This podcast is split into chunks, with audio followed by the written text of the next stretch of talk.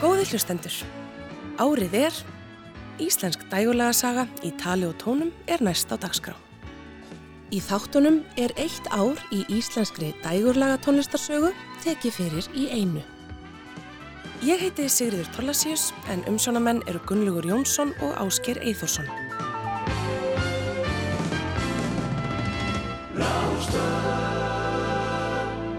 Árið er 1982.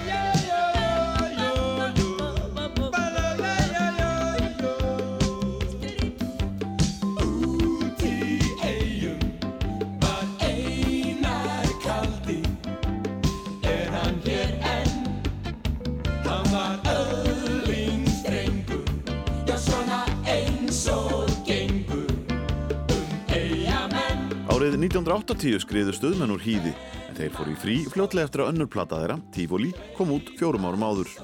Jakob Fríman Magnússon fekk styrk frá Kvikmyndasjóði Íslands til að semja handrit fyrir söngleik upp úr Tivoli-plötunni.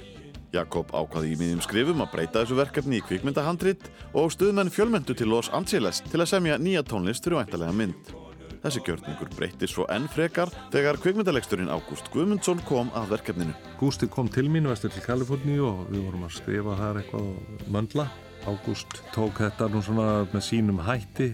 Hann breytti tífólímyndinni í með allt á reynu myndir. Það voru nokkrar myndir og nokkur lög og karakterar sem að lifðu áfram en hann breytti konseptinu algjörlega. Jakob Fríman rifjaði upp í þætti Hlins Einarssonar stuðmenn hljónsveit allra landsmána á Rás 2. Stöðmenn tóku mikla áhættu því nýstofnaður kvikmyndasjóður styrti myndina aðeins um 12% áætlum kostnaði. Egil Ólafsson segir frá. Og áhættan gekk auðvitað og það við ætlum að gera þetta án að þykja laun. Aug þess ætlum við að veðsetja allt sem er. Fullkomið brjálæði, fullkomin klikkun. Mér er til efsa nokkur maður fær út í kvikmyndagerð í dag. Verandi með einn nýjunda af því fjármækning sem þarf. Við vorum haldnir sjúklegum metnaði með byr í seglunum, ungir og það var bara til einlega. Það var að vinna sigra.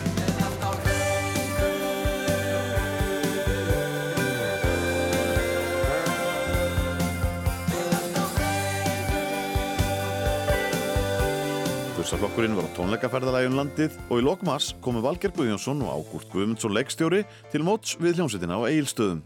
Á ferðalæginu eru til mörg lög sem voru nótið í myndinni. Gefum Valgeri orðið. Það var rútuferð mjög eftirminnileg frá Egilstöðum til Reykjavíkur um hávetur.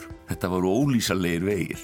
Að við sátum þarna á hristunst og, og þarna mann ég bara á leiðinni yfir á Reyðafjörð. Þar var til lægið franskar sós og salat sem við vissum að þyrti að búa til fyrir myndina vegna þess að við áttum þessa reynslu af því að konur voru að hræra í koktelsósu í, í 20 lítra föttum á ágriðsluborðinu Við viljum franskar sós og salat Við viljum franskar sós og salat Síðan bara tók þetta við í mann og íslenski kallmennuru til þarna þessari leið og úfólægið hérna.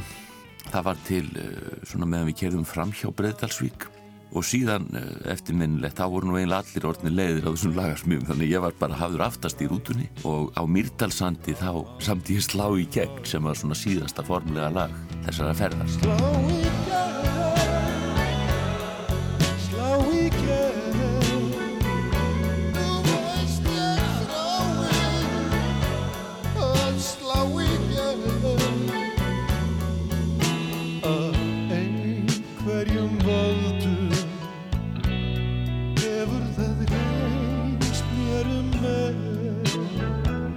Ágústi Guðmundssoni dætt í huga fá kvennasveitina grílutnar í myndina og láta hann að keppa við stuðmenn á tónleikaferðum landið.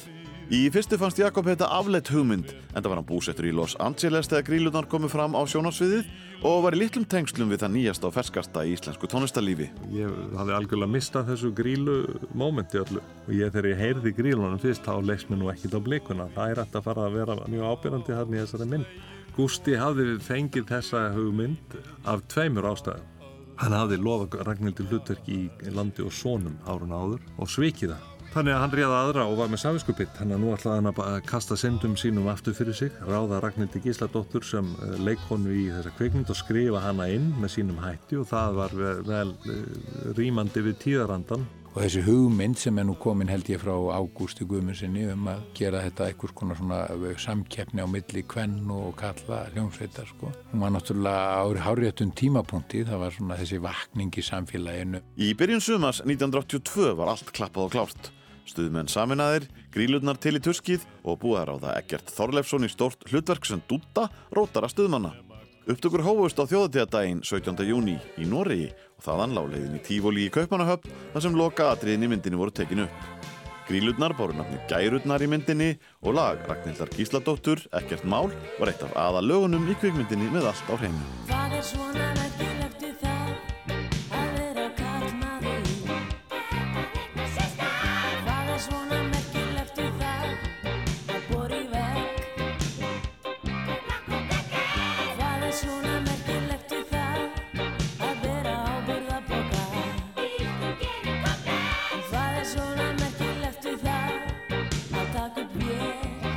Var nefnilega svolítið fyndið sko að vinkonur mínar og vinir svona þau sem bara ekki fara í þessa mynd þetta er bara bull. Og maður var svona rebel tíma einhvern veginn þá fór ég í þetta og þetta var svo mikið fjör.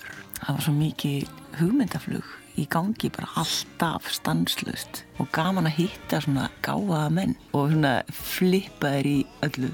Þannig að þetta var bara hefven sko og við vorum bara í lukkuna standi stelpunar Í læginu Ástardúett syngja stuðmaðurinn Kristinn Styrkársson Proppe og gæran Harpa Sjöfn sem Egil Ólafsson og Ragnhildur Gísladóttir tólkuðu ógleimanlega.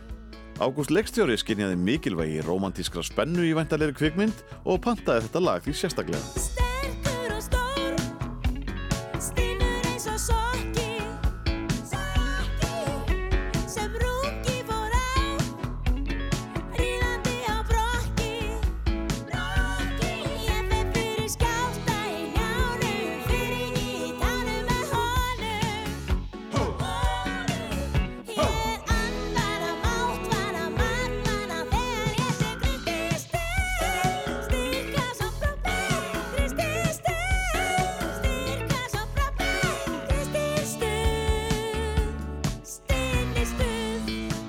Þetta var rosalega skemmtilegu tími, svona svolítið trilltur. Við vorum að spila grílunar og stuðminn voru að spila út um allt og þeir voru að taka upp sama dag og þeir voru kannski að spila um kvöldið. Og maður fattaði stundum ekki hvernig þetta var hægt. Eins og Dóra Einarstóttir, hún sá um búninga og það voru kannski svona hópsenur og það var kannski bara planað daginum áður. Veist, hún var svona kraftverkakona sem gæti púla það allt saman við óvanar að leika heyrði ég að nú er bara sena þar sem að þið eru ósátt og þið eru búin að rífast um þetta og það enda bara eftir smá reyflildi og að þú bara hendur hún út og eitthvað svona og svo bara byrja sena og þau maður bara improvisera í og maður var náttúrulega ekkit alveg örugur þar Svaraðu mér. Pældu aðeins í þessu. Ertu heyrnalaus? Til hvers er að vera að tala við þig? Þú hlusta hvort þið er ekki að það sem ég segi. Ágúst Guðmundsson leikstjóri talaði við fréttastofu útvarsins daginn fyrir frumsýningu myndarinnar. Í fyrsta skipti sem við komum saman þá uh, baði ég þá um að rifja upp fyrir mér ýmsar sögur úr hljómsveita bransanum og uh, meðal annars voru hérna ýmsu badnegnir hljómsveitamann út á landi sem frægar eru. Og uh, í framhald af því þá skrifaði ég uppkasta litlu atriði sem átti að gerast í sjávarþorpi þar sem trommarinn í hljómsveitinni hittir barsmóðu sína Ég kem með þessa hugmynd og hún mælist vel fyrir en áður en lengra var haldið þá var búið að búa til lag við þetta og texta. Og uh, þetta sýnir mjög vel sko hvernig hugmyndinu var varpað á milli allra sem unnu að þessu.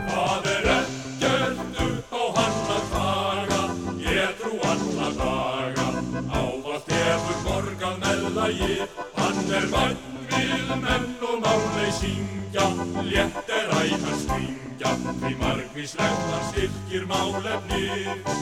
Upptökum á myndinni lauk á þjóðháttíð í Eyjum og frumsýningadagurinn var 18. desember 1982.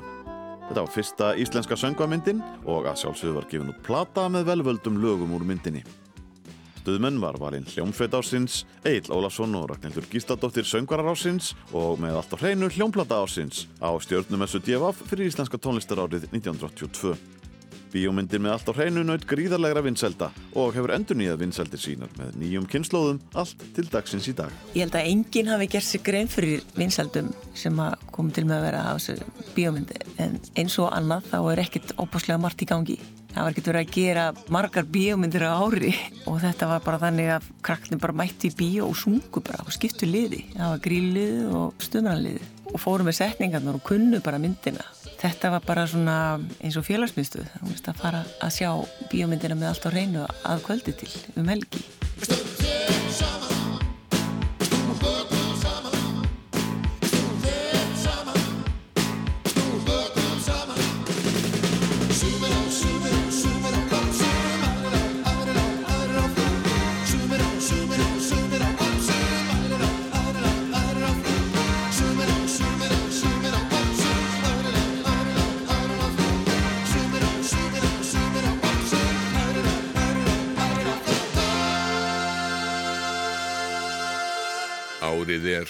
1982.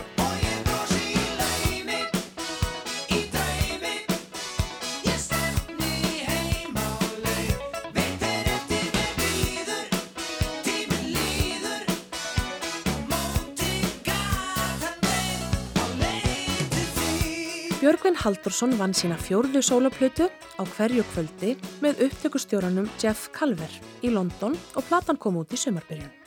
Laugin eru flest eftir þá Jóhann Helgason, Jóhann G. Jóhansson og Gunnar Þórðarsson sem samti titillægið við texta Jóhanns G. Eina lægið sem Björgvin samti fyrir plötuna heitir Sama er mér og skartar texta eftir Jónas Friðrik.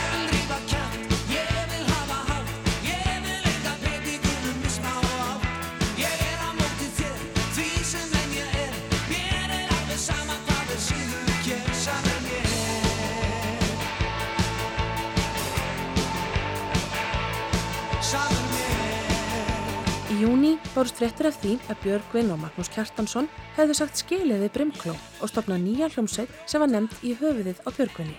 Í henni voru auk þeirra fjóri rétt rúmlega tvítuðir drengir sem voru allir nýkomnir úr tónlistarnámi í Los Angeles. Björn Tórótsen, Hjörtur Háser og tveir svíjar, Hans Rólin og Mikael Bergrund. Sveitin hóf landsreisu sína um verslunumannahelgina á samt grínurunum í Úlendúlendov en það var ekkert smá verkefni sem beð þeirra um haustið. Tónleikaferð til Sovjetríkjana. Það var mjög sjálfgæft að vestrænir tónlistamenn færu á slóðir kommunismans í miðju kaldastriðinu. Magnús og Björgvin rifjuðu upp þessa ævintýraferð í þættinum semdiherrar vestrætnar menningar á Rástfö. Við vissum að við vorum að fara til Sovjetríkja Bresnefs alveg nákvæmlega þeirra Sovjetríkja sem að sko dregin er upp í svörtustu mynd og vorum pinn tögaveiklaður einmitt út af því. Það enkendi svolítið túrin að við vorum ansi mikið á verði. Þetta var náttúrulega svo kaltastíðið á fullu. Þetta var langur túr, þetta var hvað, fimm vikur og stundum leist okkur ekkit á ástandið sko. Það var örglega rosa mikið munu fyrir rússana að sko vita hvað menn töluðu um. Þetta reyndist vera mikil ævintýraför og Björgvin segir í æfisögusinni Bó og Kó að þessi ferð gleymist aldrei. Þetta hefur verið eins og að hverfa 20 ár aftur í tíman. Allt mjög úr sér gengið, gamalt og slitið, en tónleikarnir gengur vel. Það var allstaðar tróðfull og þetta voru tónleikahallir eins og Tbilisi manni að voru sko 3000 sæti. Kom okkur alltaf jafn mikið óvart til að dreyja frá. Lörgluþjónar með reglulegu millibili í allstaðar í salnum til að geta stöðvað múæsingu og heldur svona fólki kurteisu eins og þeir réðu við. En oft leistist þetta nú aðeins upp í æðing og fólk fór að dansa og tjúkta með.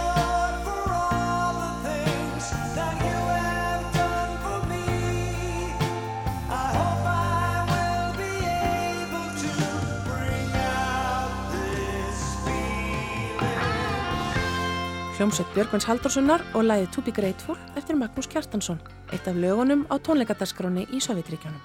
Fréttastofa útvarsins fjallaðum ferðina þegar allir höfðu skilað sér heim.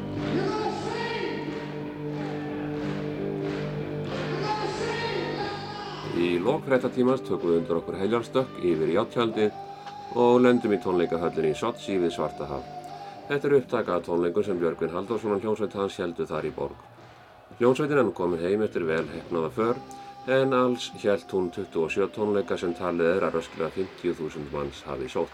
Þessi ferð var náttúrulega stórkostli í alla staði og tókst mjög vel, góð aðsók. Hver er aðdraðandi þess að þið fóruð ferðina? Jón Ólafsson, hann byrjaði að skrifast á við Melody sem er blötufyrirtæki ríkisins í Rúslandi fyrir þrem árum og byrjaði að skrifast á við þá og senda þeim blötur og þeir tóku vel í þetta og síðan er þetta búið að ganga mjög hratt á þeirra mælikvarða. Nú spiluðu þið íslenska tónlist hérna, hvernig virtist þér hún falla í kramið? Hún uh, fjall mjög vel í kramið að okkur virtist því að uh, þeir byggust við mjög norrænum áhrifum en þeir heyrðu þarna mikla tilfinningu og tóku mjög vel undir. Árið er 1982.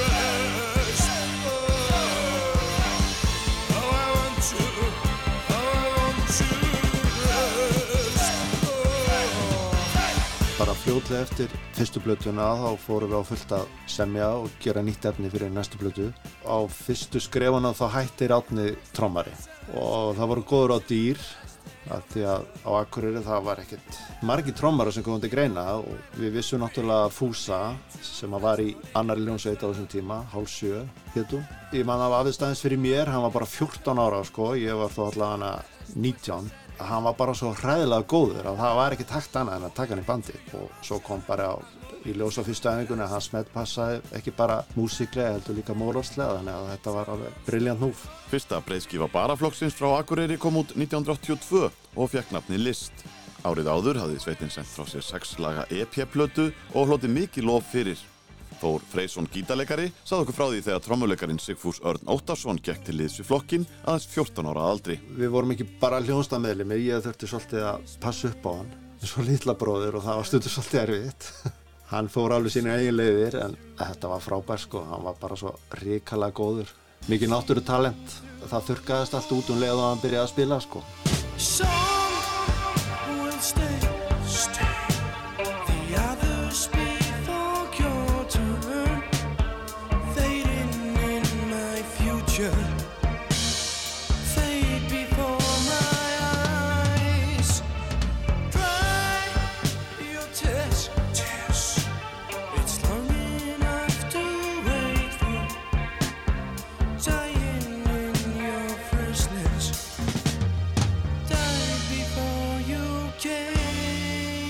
Tónlistinn á fyrstu plötu baraflokksins 1981 var hressilegt nýbylgjurokk. Upptökur á annari plötunni fóru fram í Grettiskati á fyrirhluta ás 1982 undir styrkri stjórn Tómasar M. Tómassonar og þótt rockið væri ennþá til staðar hafði nýromantíkin bankað á dyrnar í millitíðinni. Tónlistin okkar, hún tekur alveg breytingum á milli þessara platna 81-82. Það er við erum í þessu frekar svona kalda, ráa rocki á fyrstu blötunni og síðan mildast þetta svona frekar og, og nýromantíkin verður alls ráðandi þarna 1982 og svona áhrifin sem við verðum fyrir þau leitur til þess að allt efni sem er á plötunum með tvö list er svona í þeim anda. Meira af svona synthesizer afgerandi og, og þau sound sko. Þetta var náttúrulega algjör pottur þarna í byrjun nýjunda áratöður það var svo óbúslega mikið í tónlist og mikil gerjun í gangi. Við náttúrulega bara sögum í okkur það sem var í gangi á þessum tíma og flutum í, í þá átt eins og maður heyra á mörgum af þessum lögum eins og Endurleikja Style og Wonderful Creation þetta er bara pjúra nýromantík þess tíma sko. Þannig að hún var, var svolítið svona í nýromantískum anda en það var tíðarandin 82 var bara þannig. Uppháft lagplötuna list með barafloknum er langvinnsalesta lag hljónstærinnar I Don't Like Your Style. Sem margir áttu erfitt með að trúa að veri flutt af íslenski hljónsveit þegar fór að hljóma í útvarpinu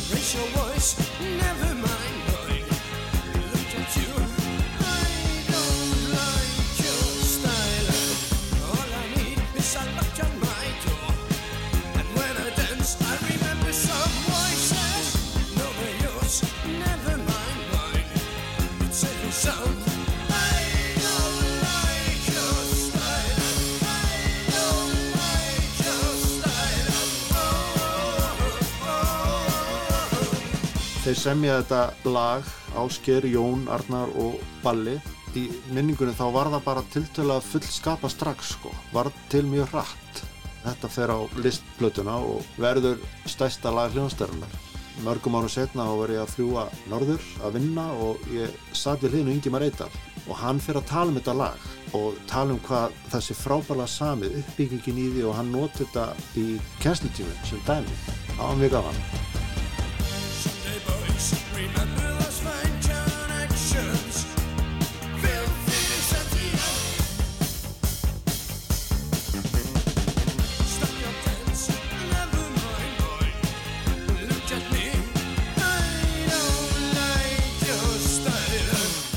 Stóra plata baraflokksins fekk frábæra dóma hjá poppressunni.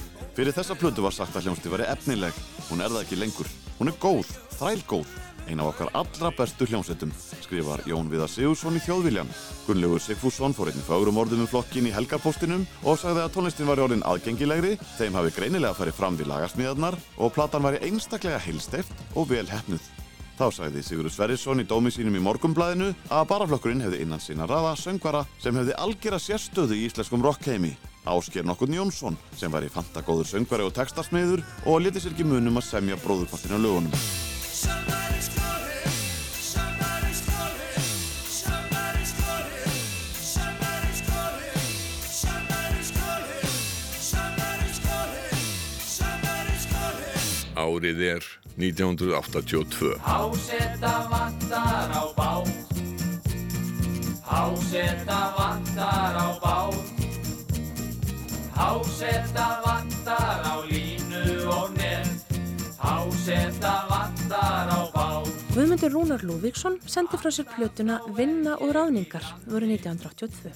Bjartmar Guðlusson samti tvö vinsælustu lögplötunar og við heyrðum brot úr öðru þeirra, Hásetta vantar á bát.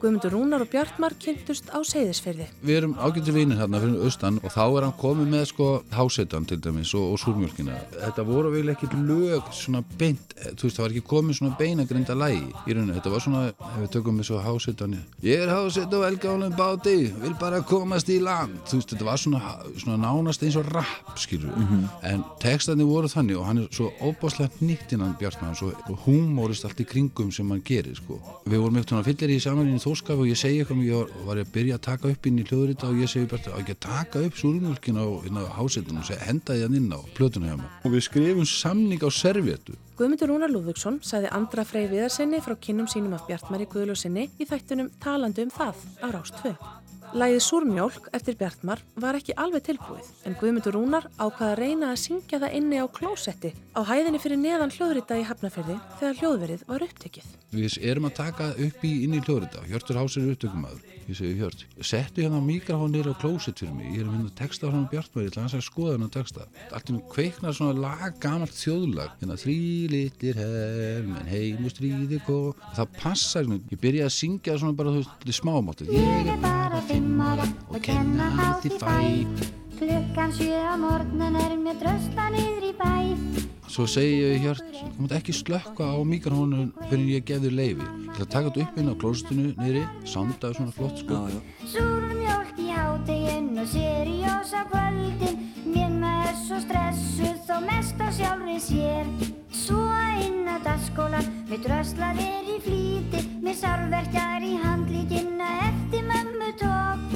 Þar drottnar dammamann með ótalandri slíti Það er eins og hafi fengið hátt í hundrað þúsund flók Árið er 1982. Þú ert pínu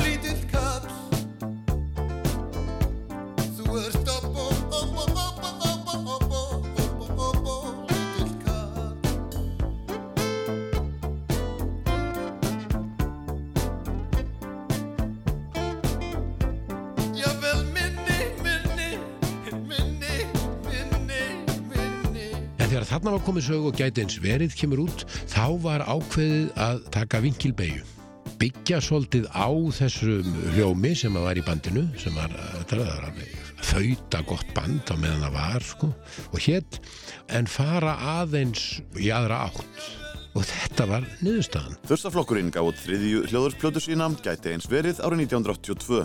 Sveitin hafði auk þeirra sendt frá sér hljómleikaplötu 1980 og söngleikaplötu 1981. Frá stopnun höfðu þursarnir jaft og þétt fjarlægst upphaflega markmiðið að færa íslenska þjóðlegatónlist í nýstálegan búning. Á plötunni er engungu að finna nýlög sem flestir eftir söngvaran Egil Ólafsson og þó þjóðlaga áhrifin var vissulega ennþá til staðar á gæti eins verið, gæti einni áhrifa frá breska nýbylgjurokkinu sem hafði farið sigurfórum heiminn undanfærin ár og textarnir pössuðu margi hverju vel inn í tíðarandan í upphafi nýjunda áratugurins. Og ég held að við höfum tekið nýbylgjuna inn, gæti eins verið er undir sterkum áhrifum af nýbylgju, en hún er samt sem áður miklu meira yfirskýða breska blúsnum.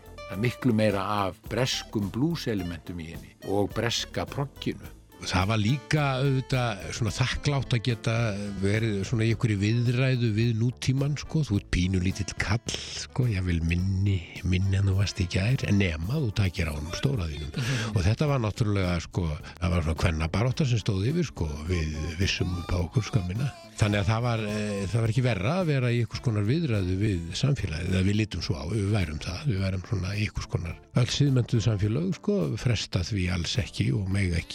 að vera í viðræðu við sjálfsig um það hvernig lífið verður betra. Við heyrðum á þann uppháslagplötunar, Pínulítill kall, sem þursarnir sömdu í sammenningu. Hér spyr hins vegar höfundur lags og texta Egil Ólafsson spurningar sem miðaldra íslenski karlmenn eru gjarnir að vittna í á ákveðnum tímamótum enn þann dag í dag. Vill einhver elska 49 ára gamla mann? Vill einhver elska 49 ára gamlan mann Vill einhver elska 49 ára gamlan mann Hann á íbúð og bíl. Vill einhver elska 49 ára gamlan mann. Vill einhver elska 49 ára gamlan mann sem er fráskilinn og safnar þjóðbúningadúkkum. Gaggrinendur keftist við að hrósa þursum fyrir plötuna. Jón Viðar Sigursson skrifaði í þjóðviljan að tónlistin veri rockaðri og kraftmeiri en áður og þetta veri meiri háttar hljómplata. Þursar hafi frá stopnun skipað öndvegi í íslensku tónlistarlífi og gæti eins verið, sannaði, að þeir ættu þann sess fyllilega skilið. Fyrirsögn Plötudómsins í DFF var aldeilis frábærir þursar og þar er ritað að þursar fari að sjálfsögðu ótróðunar slóðir og séu engum líkir frekar en fyrir daginn. Þá skrifar Páll Pálsson í Helgarpóstin að þursarnir fylgist vel með takti tímans og eigi auðvelt með að tilenga sér nýja ströyma og gæti eins verið sé einn besta plata sem Íslensk hljómsveit hafi sendt frá sér í áraraðir. Speillin sagði ekki ég og þögnin sagði ekki ég og myrkrið sagði mennirnir svöruðu ekki nei Eina lagið af gæti eins verið sem áður hafði komið út á plötu hljómaði í söngleiknum Gretti með söng Hönnu Maríu Karlsdóttur en hér syngur Egil, Egil lag við ljóð Þórarins Eldjáts gegnum Holt og Hæði. Gegnum holt og hæði horfi ég og sé að það sem var í þáttíð og það sem á að ske sé svo vel í gerð ég veit en eitt um veginn mér verður það um með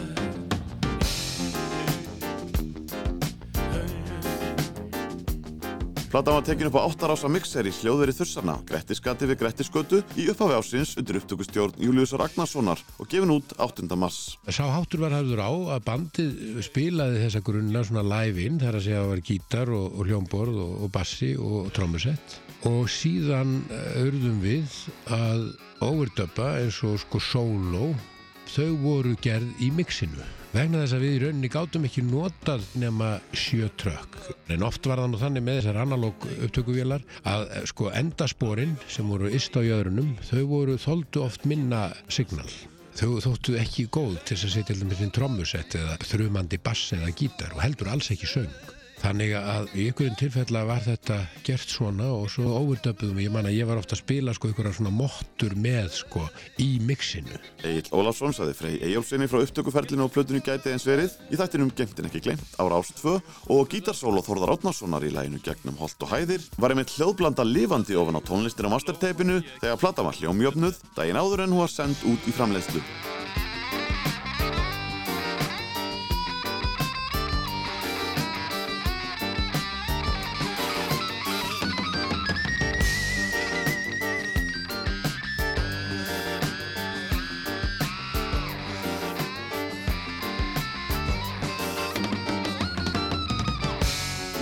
Á plötunni gæti eins verið var þurstaflokkurinn orðið kvartett Egils Ólafssonar, Tómasa Tómassonar, Áskeis Óskarssonar og Þórðar Átnarssonar og lagasmiðarnar orðnar einfaldari og hljóðheimurinn kaldari.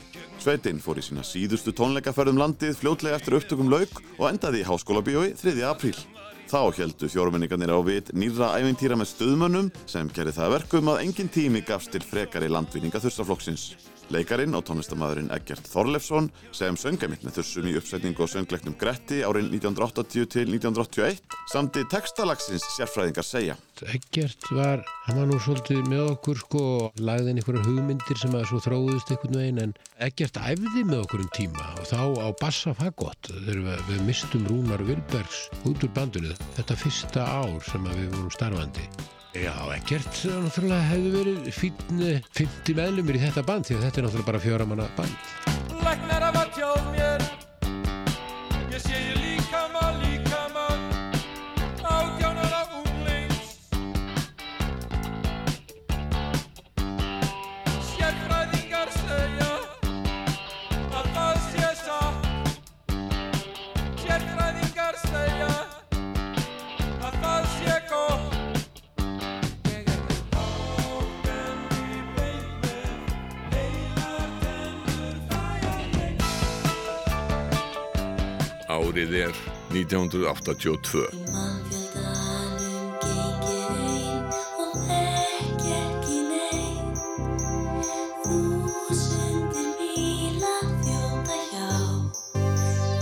tilveran er grá. Ég kölluði henni í hljóðrita að syngja Draumaprinsinn. Svo er lægið sett í gang og mér finnst þetta svona ríkalega skemmtilegt. Mér finnst þetta vera svona nýtt sound í íslenskri popsögu. Allt sinn þá trómuheilar og bara flott útsetning og mér finnst alveg ríkalega gaman að syngja. Og það sem að ég ennþá spurðað hvort ég syngi um draumaprinsinn Benjamin og ég syng líka um Benoni og fólk hefur haldið fram að ég hafi bara verið eitthvað að rugglast skilur í þessu en það var bara verið að prófa hvort hljómaði betur og svo bara, verður það bara cool þetta bara bæði það er ákvörðun Magnúsar, alfarið Ragnhildur Gísladóttir saði frá upptökum á lægi Magnúsar Eiríkssonar Draumaprinsinum. Lægi hljómaði í kvikmynd Hrapskonljóssonar okkar á milli í hita og þunga dagsins sem var frumsýnd sumarið 1982. Lægið var ekki á fyrstu soloplötu Magnúsar Eiríkssonar smámyndum sem kom út sama ár en rataði sem aukalag og endurútgáðu plötunar á geisladiski nokkrum árum síðar.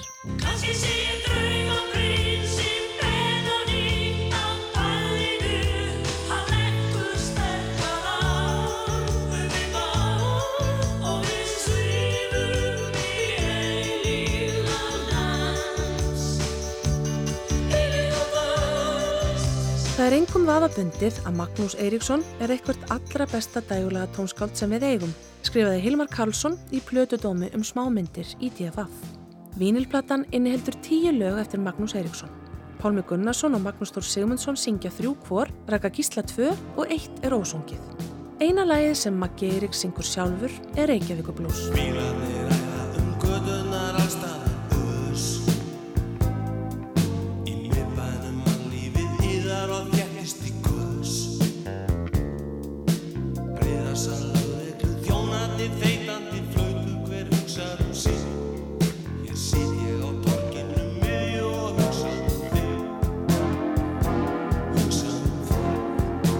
Magnús Eiríksson var valinn lagahöfundur ársins og þriðji besti textahöfundurinn. Draumaprinsinn var lag ársins og smámyndir í þriðja sæti á listanum yfir bestu hljómplötur ársins 1982 á stjórnumessu DFF. Lægið Hvað um mig og þig sem Raka Gísla syngur naut líka mikill að vinselda. Ég sé þau þreytt með barnavagnin baksa heim á kvöldin Þar býða brjöð með rukkunum sem byrta ógreitt gjöldin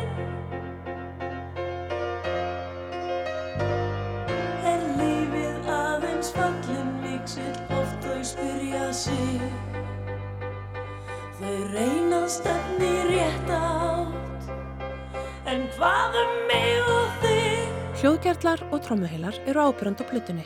Nokkuð sem Magnús hafði ekki notað á mannakorsplötunum þremur sem komnar voru út á undan þessari fyrstu sólaplötu.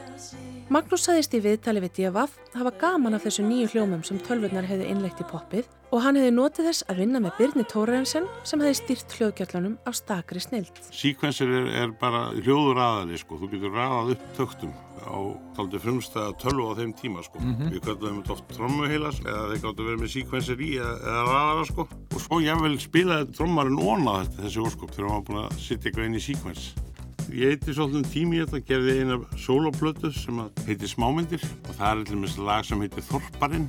Það er þessi tekni nótuð alveg til hlítar. Magnús Eiríksson sagði Bubba Mortens frá Þorparanum í þættinum Færibandinu á Rást 2. Pálmi Gunnarsson söng lagið á plötunni Smámyndir og það sló rækilega í gegn. Ég finnst þetta sé bassið aldrei skemmtilegur hjá hann Eithóri Gunnarsinni á Múkin.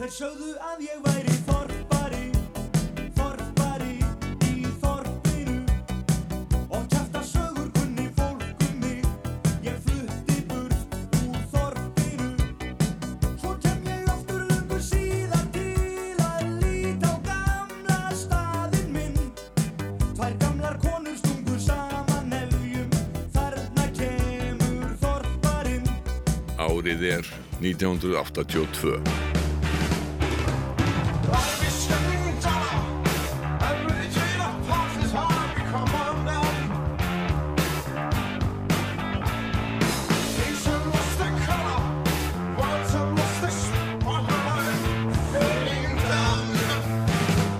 Hljómsveitin Þeir komst í kynni við Jazz Coleman, fórsprakka ennsku rocksveitarinnar Killing Joke árið 1981. Hann hreifst af bandinu og vildi endilega fá þeir til Breitlands til að hitta upp fyrir Killing Joke á tónleikum. Þeisarar slóðu til og heldur til London haustið 1981. Ekkert varðreindar af tónleikahaldi en þeir nýttu tíman í Lundun og Borg enga síðu vel. Sigdryggur Baldursson, trómuleikari, rifjar upp. og vorum framandi þetta á milli hljómblítu fyrirtækja og, og reyna að fá gegg og fengum útgáðusamning á endanum. Fórum að heimsóttum John Peel í hérna BBC og hann spilaði með þessa lag frá okkur í þættinu sínum og tók höfðinglega á mót okkur. Við vorum ansi brattir og bjart sínir á þetta þarna í enda ást 81 sko. Sveitin landaði útgáðusamningi við nýtt ennst hljómblutufyrirtæki sem kallaðist Sjátt og vorið 1982 kom breyðskifan mjög tviður mær á markað Erlendis í breyttri mynd undir nafninu As Above. Fjögur lög voru tekin út og önnur fjögur kom í staðinn en flestir textarnir voru sungnir á ennskri tungu.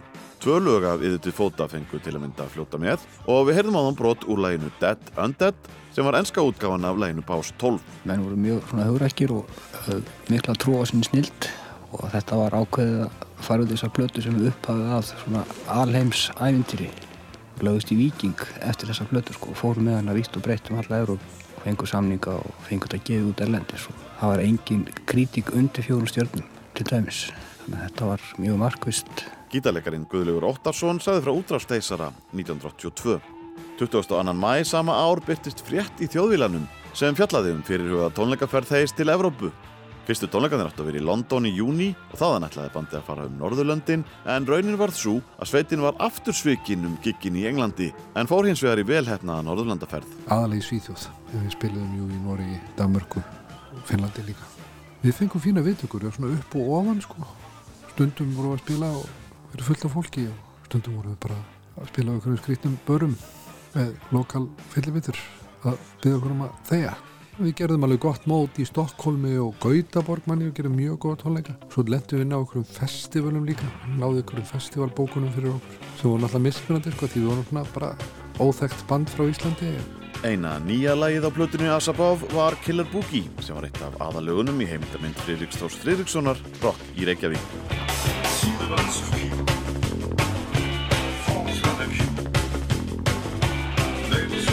Þáttur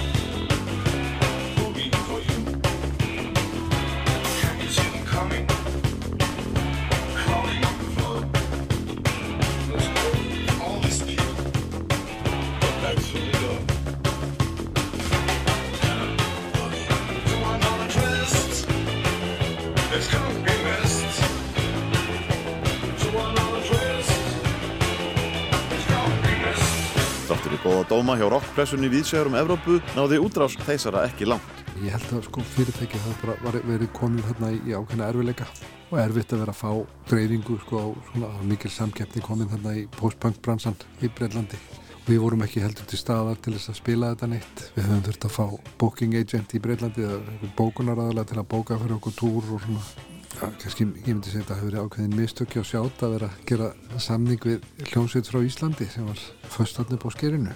En síðan er margt sem spilar inn í þetta sko.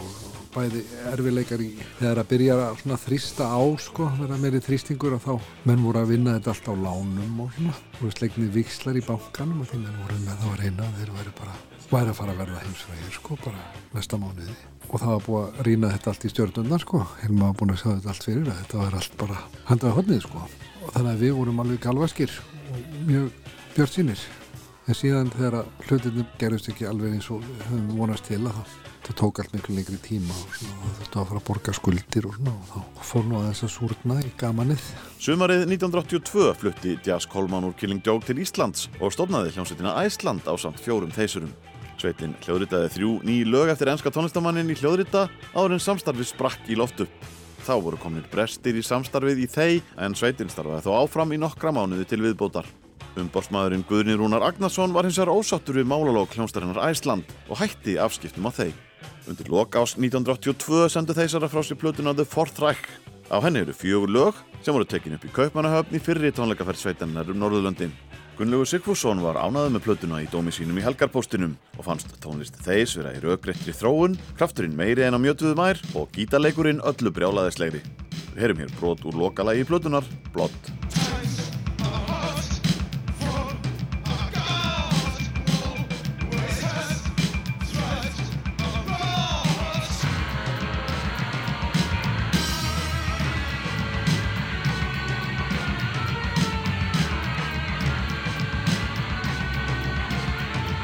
Við gáum út tvær plötur hjá Sjátt, bæði Asabó og svo Forþræk. Sjátt var í bælum við vandræðum hvernig það að díla við þetta sko.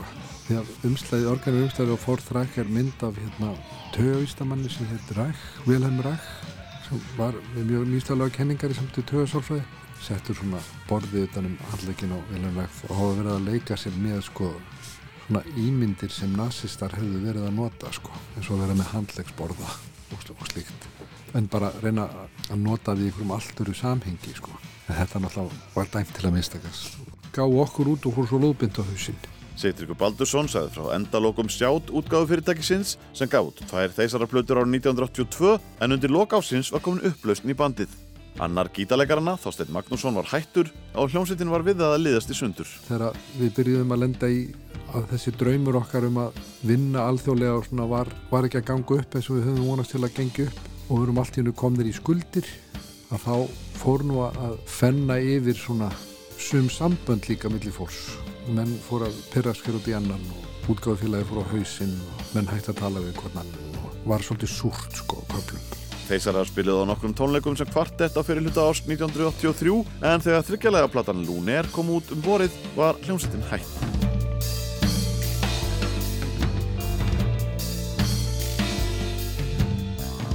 Árið er 1982.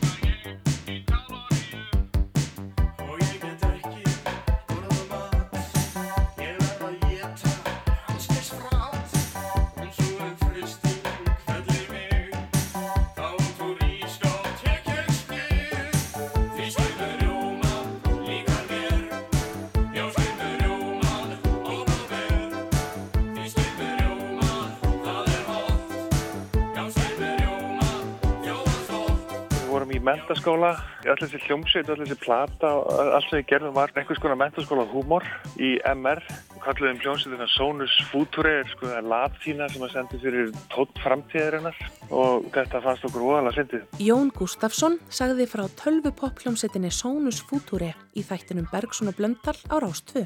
Auk Jóns voru þeir Kristinn Þórisson og Þorstein Jónsson í hljómsveitinni. Hljómsveitin æfði í Valhúsaskóla á Seltjarnanesi og það mátti litlu muna að hún hætti störfum þegar meðlimitnir rifist um hvort að syngja á íslensku eða ensku. Kristinn og Þorsteinn voru algjörlega á því að ættum að syngja á ennsku af því það væri mjög meira töf. Og ég var á því að það ættum að gera texta á íslensku. Þetta var svo mikið rifrildi að það leit út fyrir að hljómsveitin væri að bara leysast upp. Og þetta endaði með hurðaskellum sko og þeir ruku inn í æfingarherbyggi sjálft og ég var eftir í skólastofu. Allt í einu opnaði þurðun og þeir komið fram og þá voru þeir búin að semja texta sem að gerðu eins íslenskan og eins svona hallarislega, lumurlega íslenskan eins og hægt var og sömdu texta um skýr með rjóma. Sónus Fúture sendi frá sér sexlaga plötuna fyrir slettaskýrunu sem eiga það og við heyrðum brot úr læginu Skýr með rjóma. Platan var runnin í hljóðrita og Jónas R. Jónsson var hljómsettinni innan handar við plötugerðina, auk þess sem hann aðstóðaði piltana við gerð tónlistarmyndbands sem var sögulegt. Fyrsta íslenska myndband sem var gert um, fyrir utan rúf, sko áður hafði sjónvarpið fengið hljómsettir til að spila og tekið þær upp og eitthvað svona sko. En þetta var fyrsta myndbandi sem var framleitt fyrir utan sjónvarshúsið og það var engin annar en Jónas R. Jónsson sem að leikstir því. Myndbandið við lægið Myndbandið var frum sínt í Skonrakki 3. desember 1982. Myndbandi hefur tekið við Myndbandi hefur tekið við Árið er 1982.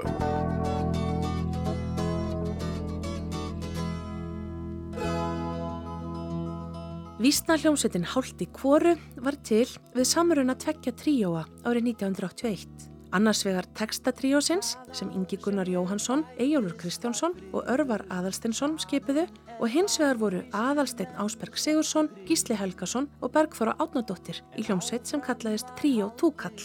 Sexmenningarnir sendu frá sér plötuna Almannarómur undir nafninu Hálti Kvoru voru 1982.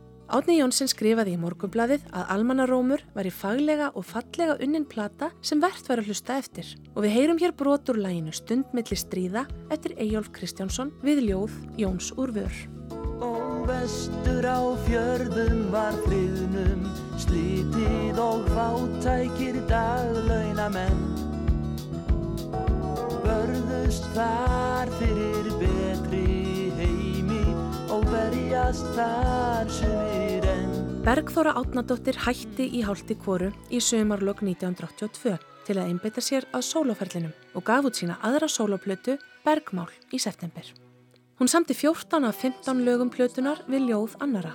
Aðalsteinn Ásberg Sigursson á fjögur þeirra en auk þess leitaði hún í smiðju stórskálda á borði Stein Steinar, Haldur Lagsnes, Daði Stefánsson og Tómas Guðmundsson. Fjölmarkir kollegar hennar aðstóðuð við gerð plötunar sem var hljóðrutuð hjá Labba í mánum að glóru í raungerisreppi. Hilmar Karlsson skrifaði djefað að lögin á plötunni væru flest grípandi og bæru vott um þroskaðan og tilfinningaríkan lagahöfund. Og hér heyrum við brot úr læginu Sýnir við ljóðstein Steinar. Og löngu dánir draumar í dýrðsinni ljóma á ný Gólan þýtur í greinum með trjána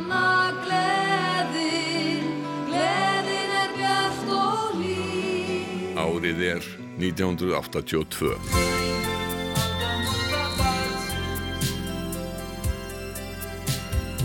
En geisa ægileg stríð og undarleg gjörningarhríð og aldrei fyrr ógnaði jörð jafn uggvænleg drápstækja gjörð Magnús Þór Sigmundsson gaf út sína sjöundu plötu, Draumur Aldamótabatsins, hjá hljómplötu útgáfinni Geimsteini haustið 1982 og við heyrðum Pálma Gunnarsson syngja titilæð.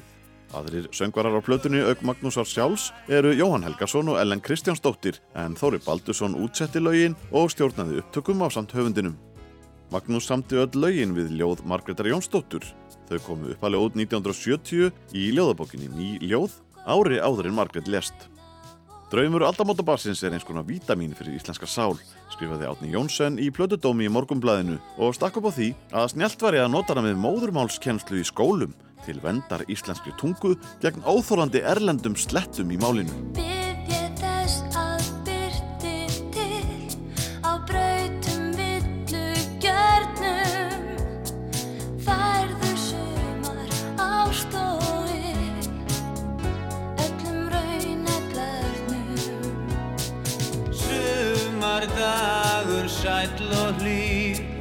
Sólum haga ljómar Í lofti fagur léttur nýr Lóu bragur ómar Magnús Þór og Ellen Kristjánsdóttir og lagið Sumar Ósk, Sumar Dagur, Fallegt Brós af plötunni Draumur Aldamótabassins. Pálmi Gunnarsson söng langþæktasta lagið á plötunni sem hefur lifað með þjóðinni til dagsins í dag. Oft hefur verið óska eftir því undanfarna áratugi að Ísland er landtitt verði gert að þjóðsöng Íslendinga.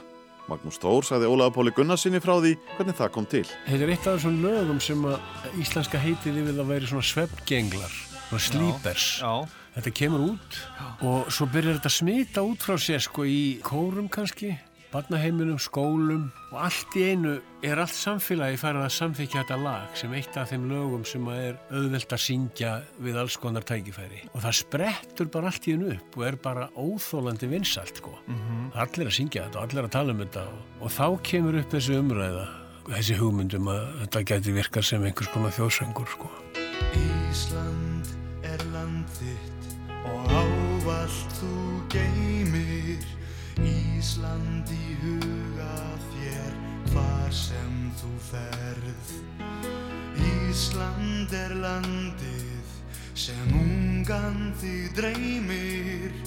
Ísland í vonana byrstu þú sérð Ísland í sumarsins algræna skrúði Ísland með blikandi norðljósa draf. Ísland er feðrana afrekum hlúði. Ísland er foldinn sem lífið þér gaf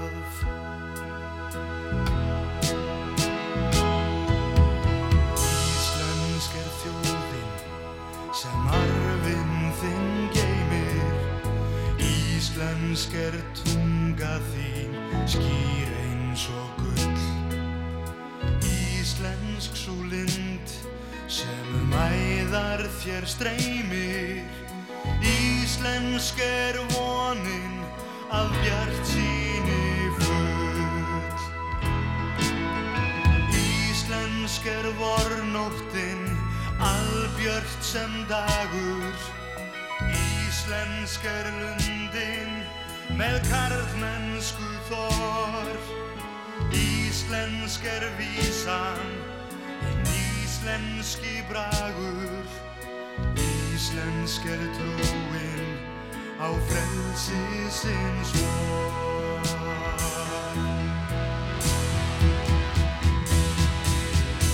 Ísland er landið því aldrei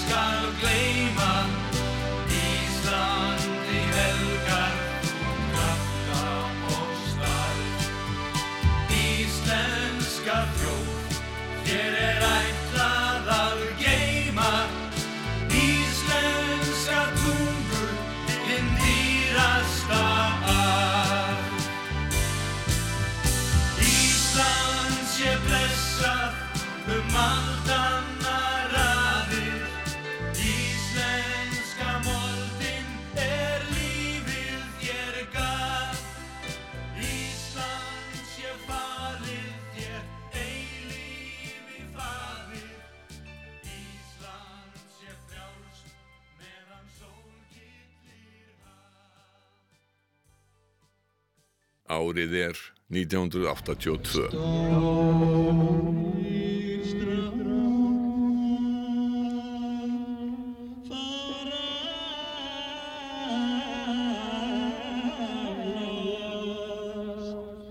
Friðrik Þór Friðriksson og félagar hans í kvikmyndafélaginu Hugreiningu tilkynntu haustið 1981 að þeir ætla að gera heimildamynd um nýbylgjutónlistin í landinu.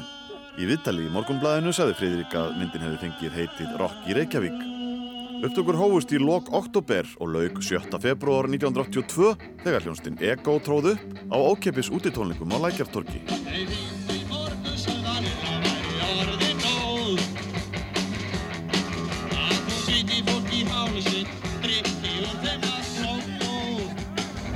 Við erum stödd hér á Lækjatorki í Reykjavík í blískapari veðri. Það var verið að taka upp síðasta atriðið í kvikmynd Friðriks Tórs Friðrikssonar, Rock í Reykjavík. Friðrik, varst þú ánæður með hljómleikana?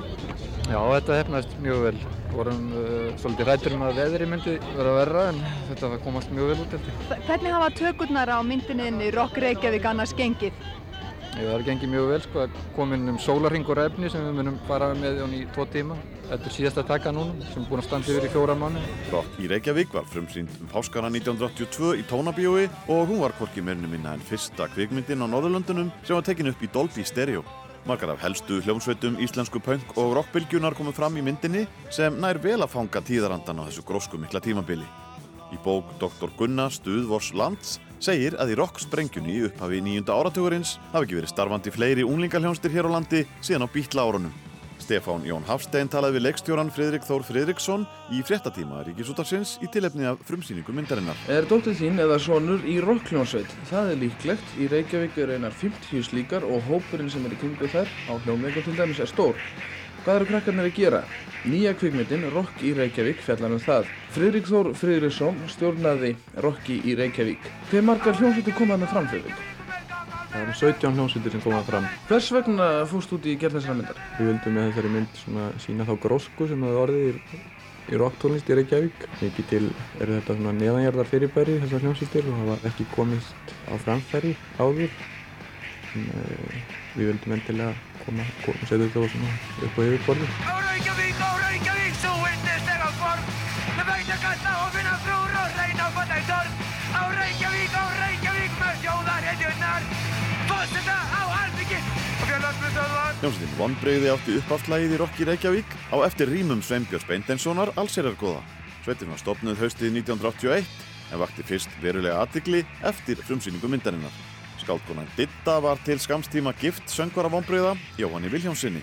Hún lagði sveitinni til nokkra texta og sá frægasti var einmitt Ó Reykjavík eins og hann sagði frá í þættinum Punk á Íslandi á Rás 1. Ég meina, og Reykjavík var til bara, þá er ég að koma einmitt á, á bíómynd í Lögursbjó og mér minnir að það hefur nokkra myndir sem voru gerðið sem hétt eitthvað This is America og það er eitthvað lag síðast í myndinni sem að gekk alltaf endalust á því aftur og aftur og America, America og, og, uh, og ég kom út úr bíó og bara alltaf í höfðinu mér á Reykjavík og Reykjavík og svo kom textinn til Vindislega borg og svo held þetta svona áfram og, það, og ég hafði þetta alltaf í hugmyndinni sko sem ég mjög fyndið að fyrir mér var þetta aldrei lag sem átti aldrei punklag, þetta var alltaf skrúkungumans og ég sá það alveg myndrænt fyrir mér sko brósmilda reyklinga að rölda niður lögavinn með lúðrasveit og syngja á Reykjavík. Jói tók textan og fór með hann á æfingu og þá voru þið búin að búa til þetta lag.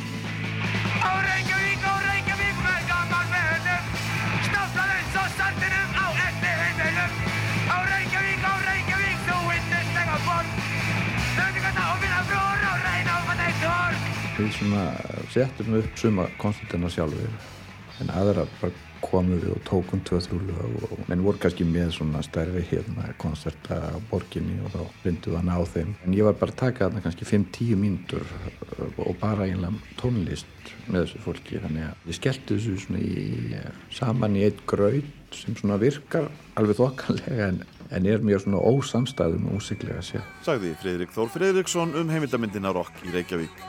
Rapp Gunnlaugsson fjallaði um myndina í útastættinum á Vettvangi á Rás 1 þar sem hann sagði meðal annars þetta. Rock í Reykjavík á erindi við unglinga á öllum aldri og vonandi eftir að verða íslenskum unglingum jafn aðgengileg og góð skólabók. Því þessi mynd segir okkur meira um það þjóðfélag sem við búum í en flestar kvikmyndir setni ára. Ég þakka svo Fríðriki Þór og félögum fyrir sérstaklega vandað framtak. Það það hugrekki og kraft til að gera kvikmynd og ekki síst kvikmynd eins og rock í Reykjavík.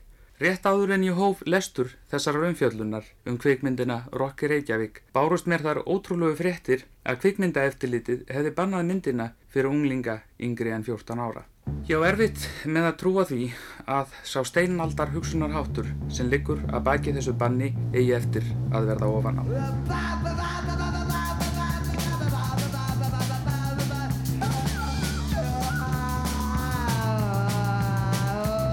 Bjarni Þórir Þórðarsson, söngvari og bassaleikari unglingaljónstarinnar sjálfsfróunar skartaði vígalegum hanakampi og fekk viðnöfnið Bjarni Móíkani. Hann vakti bæði aðdáun og nextlan þegar hann eigðilaði bassan sinn með öksi í myndinni og ein af ástæðunum fyrir því að myndin var börnum börnum var viðtal við hann þar sem hann upplýsir bíógesti um vímuna sem hlýsta því að sniffa mismunandi efni. Sniffið þegar maður fór að ná sér í vímugjáfa þá fór maður annarkvort á bensistu eða láta kaupa fyrir sig límið eða maður fór sjálfur eitthvað og sniffið byggist til upp á því að komast í vímu og með jöfnum tegundum bensinni, þinni, lími, aðalega bótalími. Það er með hættilegast en það er samt gott að sniffa. Maður fór næstu yfirum á þessu og maður hættir þessu. Bryndi Skram tók viðtal við Bjarnar Móikana í stundin okkar skömmu eftir frumsýningu myndarinnar. Hér sittur sjálfur sökutólkurinn, Bjarni Þórðarsson og hann er 15 ára og hefur mikið á samviskunni. Nú, þú segir sjálfur í myndinu að þú hérna sérst hættur að sniffa, er það ekki? Jú. Akkur hættur þú? Maður var rondaldið svona rugglaður í kollinum og... Varstu verulega mikið í þessu? Já, maður var kannski, kannski viku og þá var maður núna alveg bara rugglaður. Tók kannski þryggja daga pásu og byrjaði kannski aftur. Sér endinu þá var maður að gleyma öllu og vissi ekki hvað þetta var. Og þú varst svona langt leitur? Já, og sér hætti ég bara. Núna ef maður finnur bara lykt að þinnir eða einhverju. Það er það í þig eða eitthvað. Í bókinni 100 bestu plötur Íslandsögunar er sagt frá því að bandalag íslenskra listamanna hafi fordæmt bannið og rokki Reykjavík hópur unglinga hafi gengið með mótmæla spjöld frá tónabíói að lækja torki þar sem Eko hélt mótmæla tónleika. Hluti viðtalsins við Bjarnar var kliftur úr myndinni og eftir það var hann bönnuð innan 12 ára í stæðin fyrir 14 ára og þar við satt. Önnur atrið í myndinni sem þóttu ekki við hæfi ungra barna voru tónleikar gjörningahópsins Bruna BB þar sem hænum var slátrað á sviðinu og hljónstinn þeir kemur fram í tveimur tónlistamembundum. Annað þeirra var við lagið Rúdolf.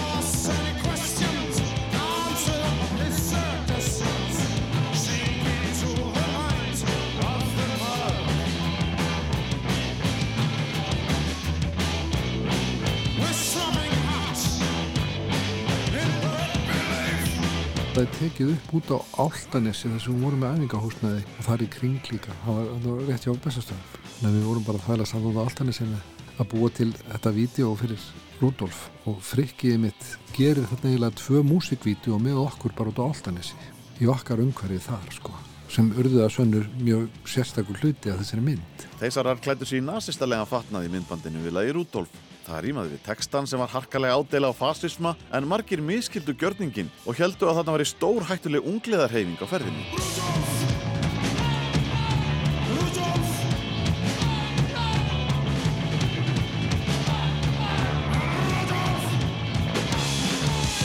Í texta þessa lags þá er svona ákveðin áraður í, í, í gangi sem að segir nokkuð um múksefjum og það var verið að undirstyrka ákveðin bóðskap í þessum texta með því að klæðast þessum hérna, þessi uniformi. Þannig að sko, þetta var svona hræðilega illa miskilið allt saman. Magnús Guðmundsson söngvari þeis saði frá textanum á myndbandinu við lagi Rudolf í Rokki Reykjavík og þar á undan heyrðu við Sigtryggi Baldusinni trommara.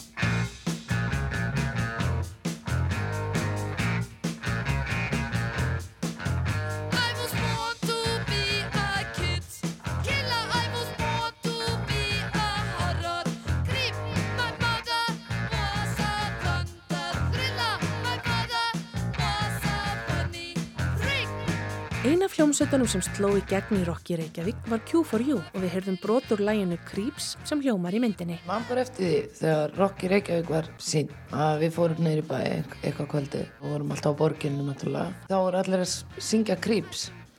Við alveg bara bytti nú við hvað er í gangi. Þá var allt innu Creeps orðið svona hitt lag og við vorum á að hissa. Elli söngkona saði frá upplifun liðsmanna sveitarinnar eftir frumsýningu myndarinnar í þættinum Punk á Íslandi.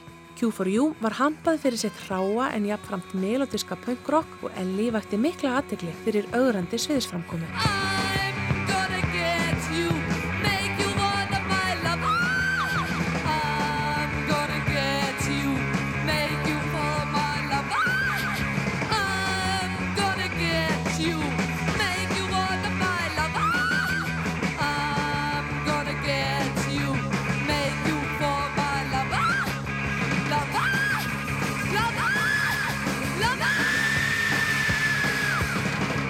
Árið er 1982. Það er stórkostlegt, alveg minniháttar, liggur í augmúti, liggur í augmúti. Það er sjúkt, það er sjúkt, það er elmásins, það liggur í augmúti, það er frábært. Íslandingar hafa lóksins uppgótið það að þú þarft ekki að kunna gítarsólu til að vera hljómsveit og þú þarft ekki að kunna mikið á hljóðfæri til að vera hljómsveit. Ég kann ekkert, bara ég kann pingu pínu pínu lítið Áskir kann aðeins minna, en hann kann ekkert á trómur. Hljómsveitin Purkur Pilnik var áberandi í Rokki Reykjavík og þarna heyrðu við í söngvaranum Einari Erni Benedikt sinni. Purkurinn sendi frá sér tvær plötur 1982. Svo fyrir var 13 laga 2.40 heimstóningaplata sem fekk nafni Gogoplex og kom út um vorið. Það vaði sveitin verið starfandi í rúmt ár og á þeim tíma sent frá sér þrjár plötur með alls 40 lögum.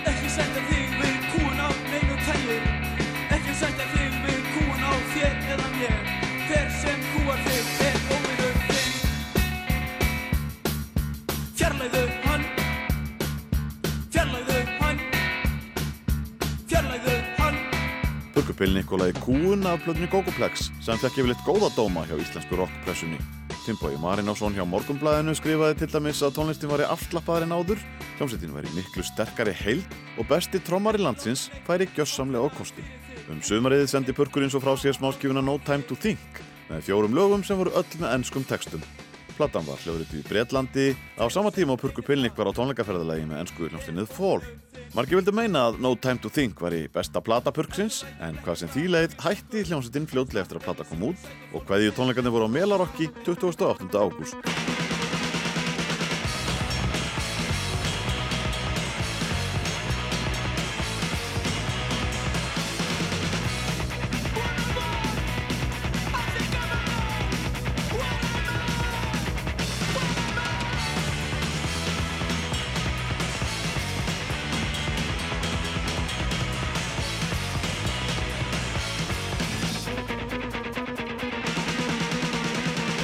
Surprise með Purky Pilnik af síðustu hljóðurspötursveitarnar No Time to Think en lagið heitir Óvænt í Rokki Reykjavík og þar syngur Einar Örn á íslensku.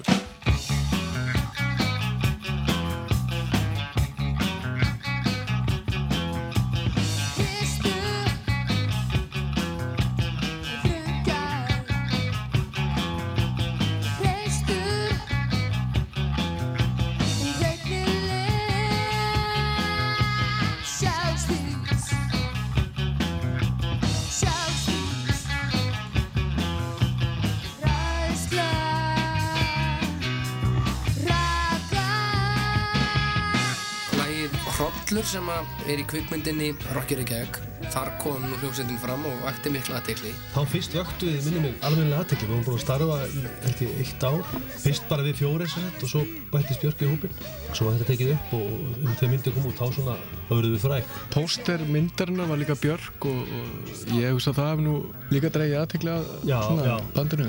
Örgulega, Björk í guðlækjólum Jakob Smári Magnússon og Eyjólfur Jóhansson rifjuðu upp þáttöku Tappa Tíkaras í Rokki Reykjavík. Í þætti Freys Eyjólfssonar Geimt en ekki glemt. Hljómsittin var stopnuð 1981 og þegar myndin kom út var hún skipuð Jakobi bassaleikara, Eyjólfi gítarleikara, Eyþóri Arnalds hljómbórsleikara, Oddi Sigurbjörnsinni trommara og söngkunni Björk Guðmustóttur sem þeir stálu úr árbæðarsveitinni Exodus. Þú Eithor, Oddur og Björk voru sama með eitthvað band sem ég táspyrinn lífsætla Já, einmitt Svo fór Björk til Fraklands yfir sumarið þá ákvaða við að gera þetta með hann sko. stopnum tappan Já, Það átti bara að vera svona sumarband svo gekk það ágætlega sko. þá var henni bóðið í bandið sko. Þetta var hérna líka frækilegu stöldur hérna, þetta var svona hunting sko, við hunduðum Björk úr bandi úr árbarni sem að hétt Exodus. Já, einmitt. Sem að var hérna Þorvaldur úr Tóttmóbíl og, og Skúli Sverris og Geiri Sæm Já. og Björk. Og við hérna stálum inn í Stálum ég Björk. veit ekki hvort að þeir hafa fyrirgjöf okkur Þeir hafa allir fyrirgefið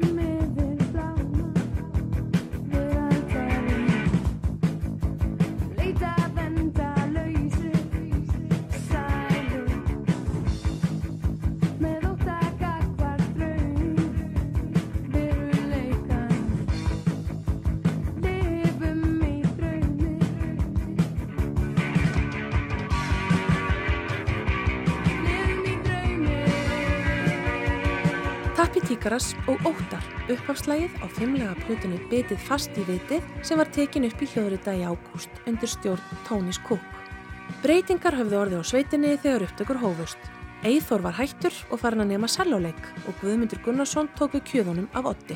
Friðrik Indriðarsson sagði að tappin væri með bestu sveitum nýbylgjurokksins hér á landi í plötudómi í tímanum. En bandið virkaði þó kraftlaust á plötunni með að við tónleika sveitarinnar, þar sem leitun væri að kraftmeiri hljómsveit. Jón Viðar Sigursson á þjóðviljanum skrifaði hins vegar að tónlist tappans leti vel í eirum. Hún væri einföld, kraftmikil og góð. Björk stæði sér mjög vel og hann væri efinsum ef við ættum marga jafnuga hennar í söngvarastéttinni. Hér er farið að stað vinsalasta lag plötunar Ílt í efni.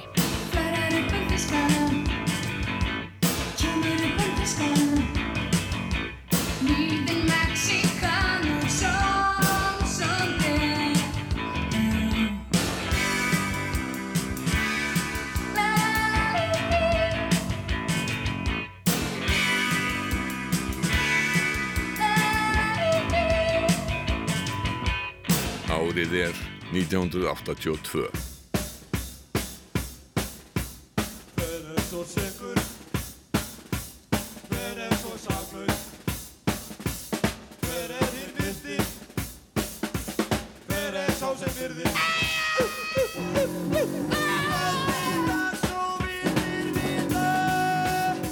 Já, upphæfið við byrjuðum var að ég var í New York í heimsó, fór á tónleika CBGB's og uh, það voru Johnny Thunders og uh, hljómsveit sem ég man alltaf eftir sem hétt New Body.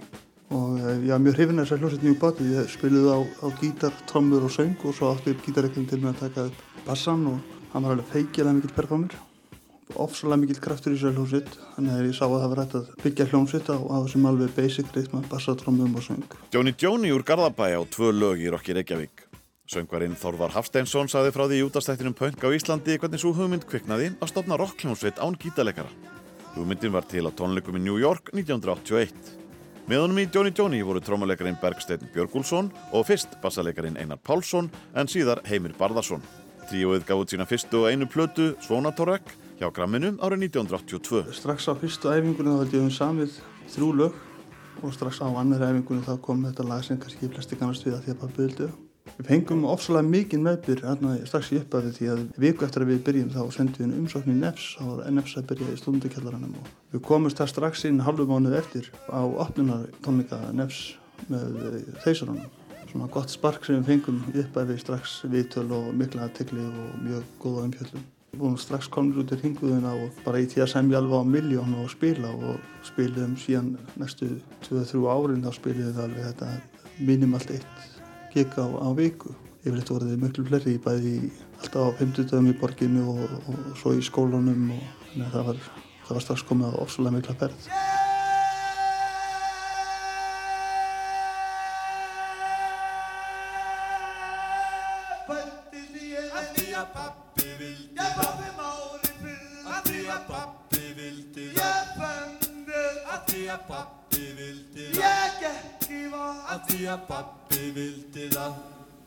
Gjör það sem pappi sagði. Að því að pappi vildi það. Mamma sagði það líka best Því að þannig heldist heimlis fyrir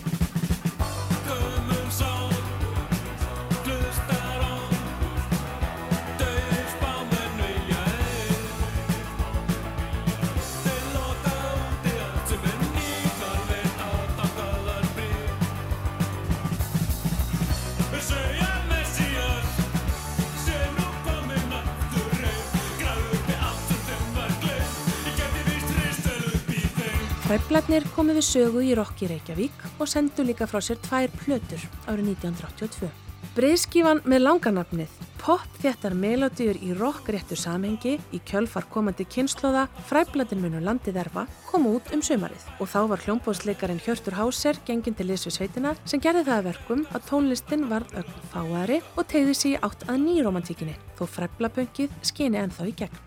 Tómas Tómasson skrifaði í Plötudómi í Devaf að þetta veri fyrsta alvöru plata fræblana og með henni væri þeir orðin ein af betri hljómsveitum landsins.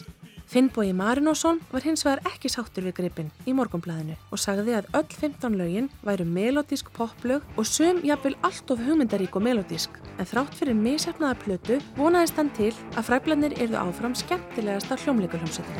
Tröflarnir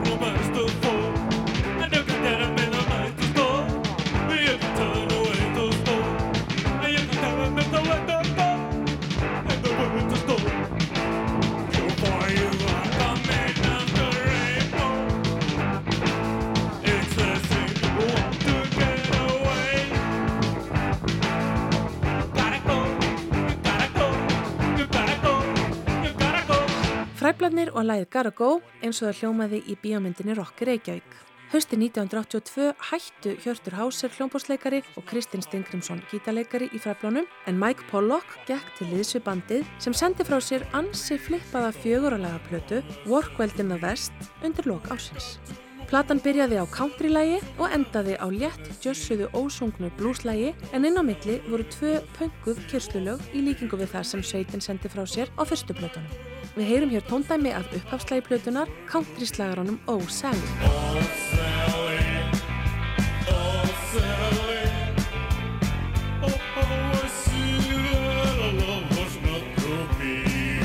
Árið er 1982.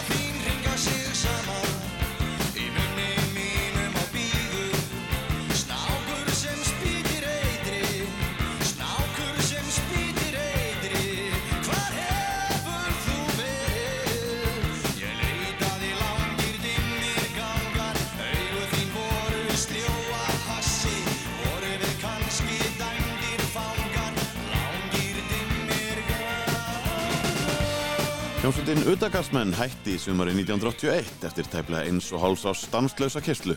Undir lok ásins stofnaði Bubi Mortens nýja hljómsveit með Bergþóri Mortens bróðu sínum sem spilaði á gítar og æskuvinni sínum, bassalegarannum Þorleifi Guðjónssoni. Það má segja að ég hef verið rekin úr utakarsmönnum og eitthvað tíman þá lappaði ég hambúrgarafabrikkanir í dag.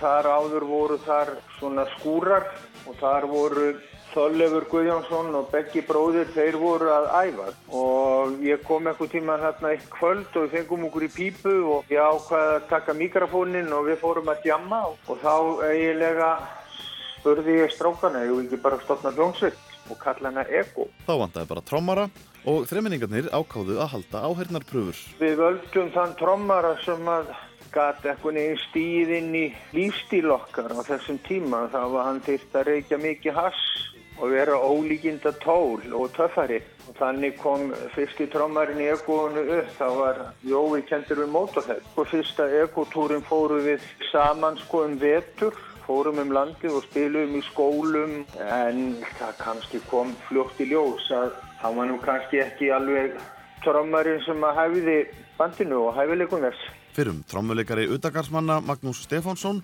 gekk svo til liðs við Ego en fyrsta plata sveitarinnar Breyttir tímar var tekin upp. Já, hann fór í Bottis en hann kom sem sagt í hljónsveitina eftir að Jói hætti. Og það má kannski segja það að það fyrsta Ego-platan sé doldið langt frá Udagarsmannum en hún er kannski meiri í anda sem var að gerast á þessum tíma sko. Og tóknin í Ego var mikið til sko beggi Þegar þú heyri Begga spila gítar þá vistu að þetta er Beggi sko, þetta er tónin hans. Hann lagði þetta alltaf mikið til, þennan tóni ekko sko.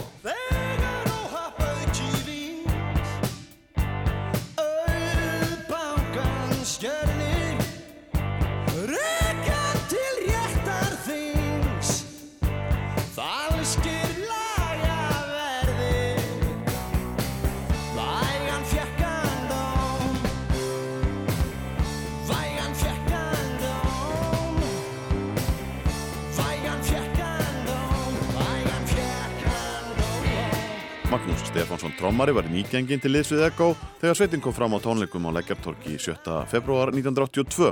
Tónleikarnir voru haldnir í tengslum við upptökur fyrir kvipmyndina Rock í Reykjavík sem var frumsýnd 10. apríl en fyrsta plata Ego, Breyttir tímar, kom út tíu dugum fyrr.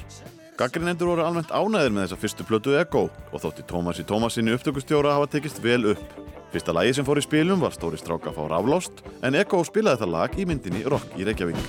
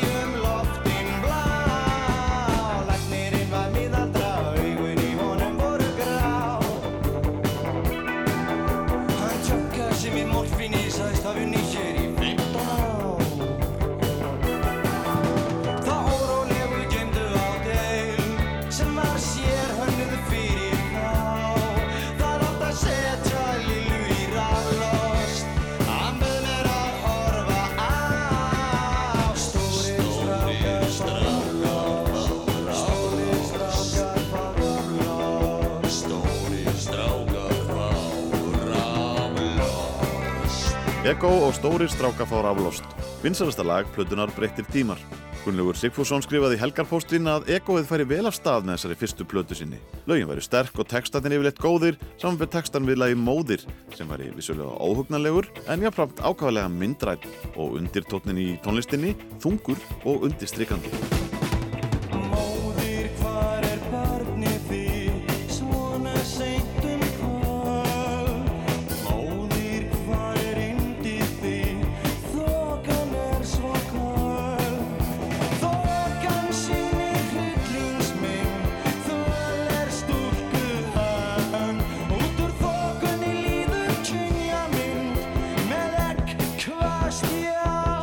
Tíðindi gerðust hösti 1982 að Bubbi rak Þorleif vinsinn úr Ego eftir mikinn þrýsting frá Magga og Bekka.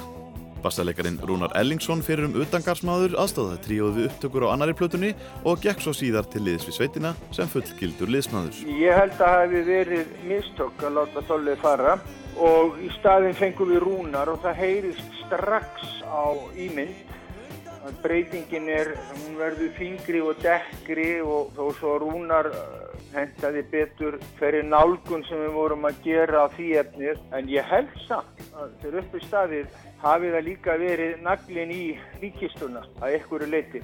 Ego hófst strax handað við upptökur á annari plötunni í mynd höstið 1982 aðeins nokkrum mánuðum eftir að fyrsta platan kom út.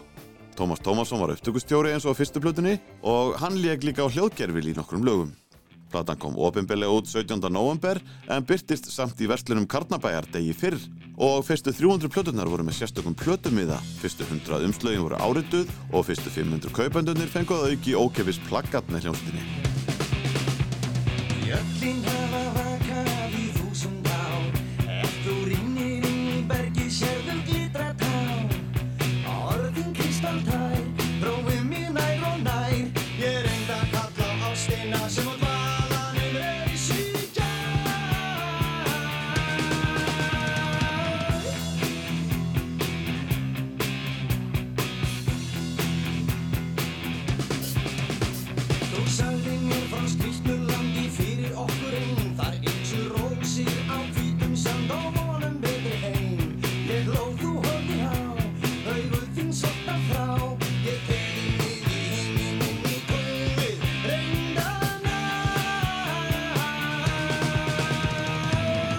Sigurður Sverrisson gaf plötunni í mynd með Ego fjóra stjörnur af fimm mögulegum í plötudómi í morgunblæðinu og sagði að trommuleikarinn Magnús Stefánsson var í stjarnar plötunar.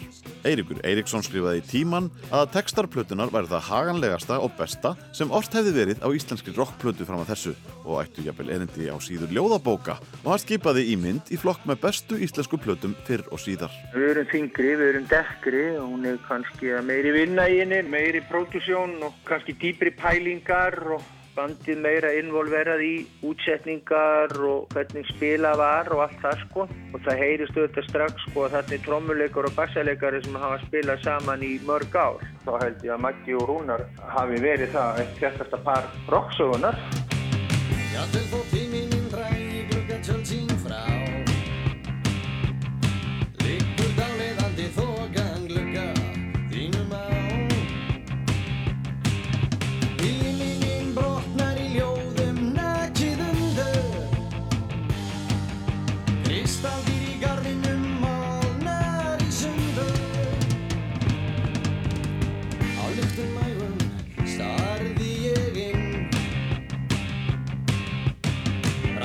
Ljósið strauk mína kinn. Íslandi þögnin reis úr dval í gæ Bergmál vorsins í garðinum hennar græn. Á plötum var munurinn töluverður og hljómleikum kannski líka en þó ekki svo mikill en hins vegar var egoið kannski meiri pophljómsveit og tilrunarkendari og kannski meira í takt við akkurat það sem var að gerast í samtímonum í Evrópu en bæði þessi bönd voru alveg brjálaðislega öflug live. Þar voru þau ekkert ósvipuð, það var gríðalegur kraftur sem sviðsbönd voru þau alls ekki svo langt frá hverju öðru en á plötum var töluverðu munur á milli og þá myndi ég segja það að auðvitaðgarsmenn hafi verið svona hefðbundnari rock hljónsveit með miklum áhrifum frá klass meðan að egoið var meiri svona bara pop hljónsveit sem að tengdi sig við þann tíma sem var í gangi þegar egoið var að starfa.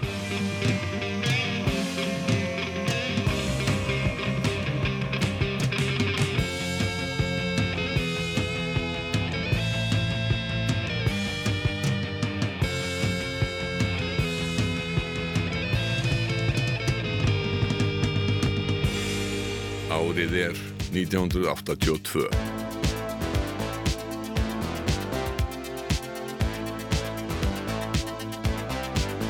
Enska hljóðgerðla hljómsettin Human League held fennatónleika í Laugadalshöll á vegum listaháttíðar í Reykjavík 11. og 12. júni og Ego hitaði upp.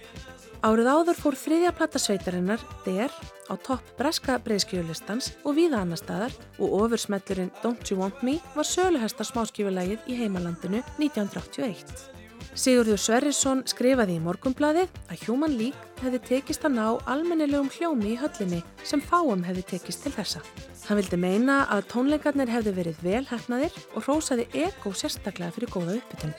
Nokkrum dögum eftir tónleikan í höllinni fór Don't You Want Me á topp bandariska smáskífulistans og því má segja að Human League hafi verið á hátindi fræðarsinnar þegar sveitin tróði upp á Íslandi. Af öðrum eftirminnilegum tónleikum hér á landi árið 1982 má nefna Melarokk, úti tónleika sem haldin voru á gamla Melavellinum í Vesturbæ Reykjavíkur 28. ágúst. Meðalhljómsvita sem þar komu fram voru Tappi Tíkaras, Grílurnar, Q4U, Þrumuvagnin, Baraflokkurinn og Purkurpilnik sem tróðu upp í síðasta sinn á Melarokki.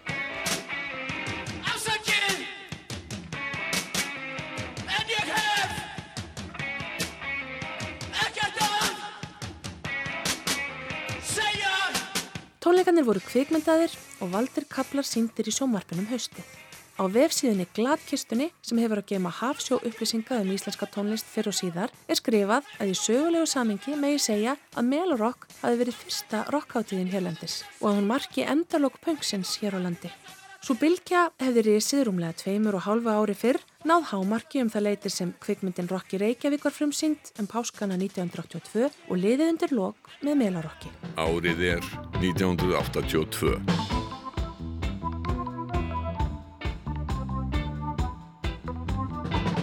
Músiktilraunir hafi verið stór þáttur í íslensku tónlistarlífi undarfarna áratöyu. Upphafið má rekja til samstarfsfélagsmiðstöðurinnar Tónabæjar og Satt, sambands alþjóðskálda og tónlistarmanna. Fyrsta keppnin var haldin í Tónabæ í november 1982 að frumkvæði tónlistarmannsins Jóhanns G. Jóhanssonar. Undan úrslitakvöldin voru fjögur og svartkvítur draumur var ein af hljómsveitunum sem spreyttu sig fyrsta kvöldið.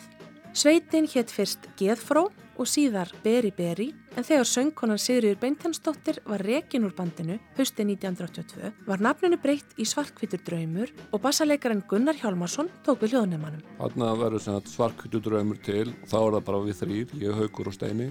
Ég loksins fekk að syngja, þátt fyrir að Haugur hafi hótað að myndi hætta í hljónstinni, að tókst okkur að halda þessu saman og þar kemur Sarkutu draumur fram bara á fyrsta undanúrstöta kvöldi músituruna og það er skemmt frá því að segja að eftir kostningu þá vorum við í þriðasæti og komumst ekki áfram.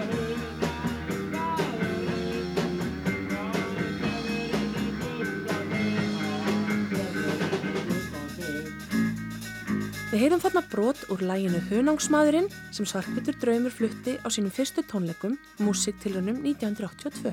Það voru mikil vonbriði fyrir Gunnar og félaga að komast ekki á úslitakvöldið sunnudaginn 12. desember. En nýja hljómsveitin hennar Siggu Beintens, meinvillingarnir, komast hins vegar allarleið í úslit.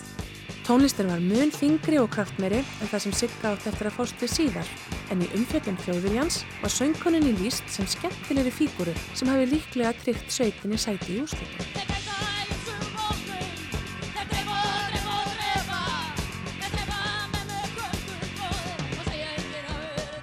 Framistæða meinvillingana döði þeim ekki í velunasæti á músiktilunum þrátt fyrir að söngkonan, Sigriður Beintinsdóttir, hafi fengið góða dóma og haft útliti með sér. Já, passar, ég man útliti á mig var alveg rosalt þarna. Það var eitthvað einhvern lepparaból og einhverja leifuböksur og við komumst allavega í úslit, ég man það og ég man alltaf að ég hérna hafi verið notað svolítið ofta á mig sko að söngkonan í bandunum hafi verið mjög efnileg. Og þetta er svona nota á mig sko enn þann dag að ég sé, já já, þú ert nú hans efnileg sko. Dómnend músiktilruna samanstóð af plötuútgefendum, tónlistarmönnum og bladamönnum og hafði helmingsvægi á móti áhöröndum í sal. Sigursveitin var Drón sem var skamstöfun á Dansljómsveit Reykjavíkur og Nágrænis. Einn af liðsmönnum sveitarinnar var hljómborsleikarin Máni Svavarsson sem hefur verið ábyrjandi í íslensku tónlistarlífi allar göttur síðan. Ég man þetta var rosalega spennand og ekki bara fyrir okkur heldur. Það var einhvern veginn engin grundvöldur fyrir þessar hljómsveitir að koma fram, þessar ungu hljómsveitir og hver einasti bílsku var fullur af, af böndum á þessum tíma og allir að reyna að gera eitthvað. Þannig að þetta var frábært tækifæri til að fá að koma fram fyrir fullum sala fólki og ég man bara eftir stemmingun í tónabæð. Það var tróð fullt á hverju einasta undanúslitakvöldu og svona stuðningshópar með hverri hljómsveit Við vorum í stóra stuðnisóp úr Kópavæginu og já, þetta var bara mögnuð upplifun. Við heyrum hér brot úr læginu All Right með Drón, Sigursveit músiktilrauna árið 1982.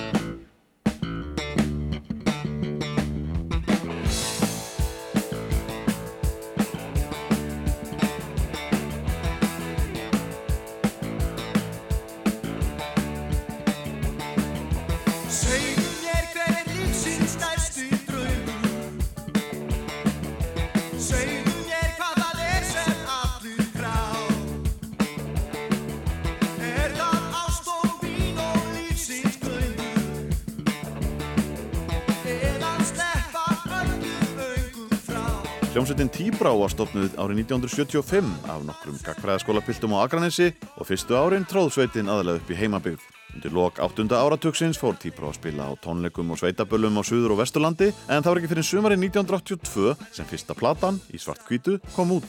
Sveitungi þeirra, Sigurður Sverrisson, gaf plötinu fjórastjörnur af fimm mögulegum í plötudómi í morgunblæðinu og Jens Guð skrifaði í æskuna að í svart kvítu væri með betri dreifbílisplötum sem út hefðu komið hérlendis.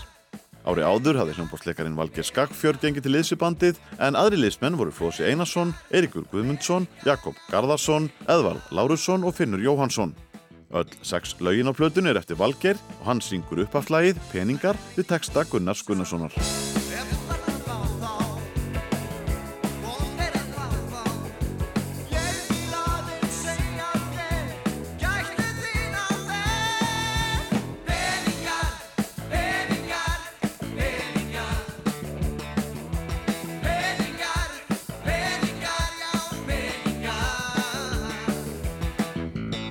Árið er 1982. Svona út á gólfið, ekki stress, já út á gólfið verður res, já nú er komið tími til að dansa. Áhöfnin á halastjörnunni gaf út þriðju plötuna á jafnmörgum árum voru 1982. Hún fekk nafnið Úr kuldanum og á henni eru tólög eftir Gilva Ægjesson. Sem fyrr var það útgáðu fyrirtæki Rúnars Júliussonar, Geimsteinn, sem gaf plötuna út. Hún var tekin upp í nýju hljóðveri Geimsteins sem var staðsett á heimili Rúnars og Maríu konu hans og Þórir Baldursson aðstóðaði við upptökunar. Hér heyrum við Hemma Gunn syngja vinsælasta lag plötunar út á gólfið. Dansa, hvað er betur að dansa?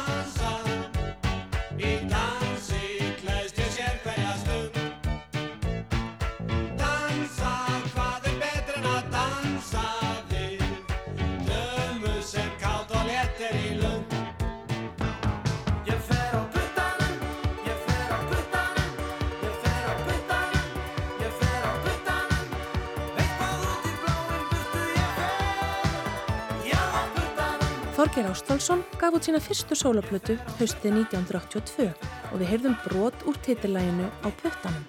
Lögin eru öll eftir Þorgeir sem naut aðstóðar Bjartmar Skuðlussonar við textagerðina. Gunnar Þórðarsson útsetti og stjórnaði upptökum. Árið áður voru Þorgeir og Pétur Kristjánsson með stór áform. Þeir ætluðu að stopna hljómsveit sem átti að heita Valli og Víkingarnir og ætlunin var að fara í tónleikaferð um norðurluta Norðurlandana í vikingaklæðum. Önnur á ný. Úti alla nóttina, út um borg og bí. Úti alla nóttina, engum háður ég er. Ó nei, ó nei, ó nei, ó nei. Undibúningurum var komin á fullt og Þorgeir meðal annars búin að sækja um styrki til verkefnisins þegar síminn ringdi. íslensk vikingahljómsveit í búning og, og áttamanns þetta var svona allt saman komið vel á, á legg og það átti að vera myndasaga með Valla Víking í tímanöði þetta var allt komið á stað Og hvað? ég kem heim á mánudegi ég kem inn og símiringir blessaður, þetta er Ragnar Bjarnarsson má bjóða þér í sumagleðina hvað átti ég að gera? Þorgeir Ástfálsson gekk til liðs við sumagliðina og Norðurlandatúrin var að engu eins og hann rifjaði upp fyrir Margréti Blöndal í þættinum Allt er þegar þrettir. Valli og vikingarnir sendu þó frá sér eina tveggjalaga plötu hausti 1982 með sænska læginu Úti alla nóttina við texta Þorgeirs á alliðinni. Þorgeir og Pétur sungu við undirleik kljómsveiturinnar Start.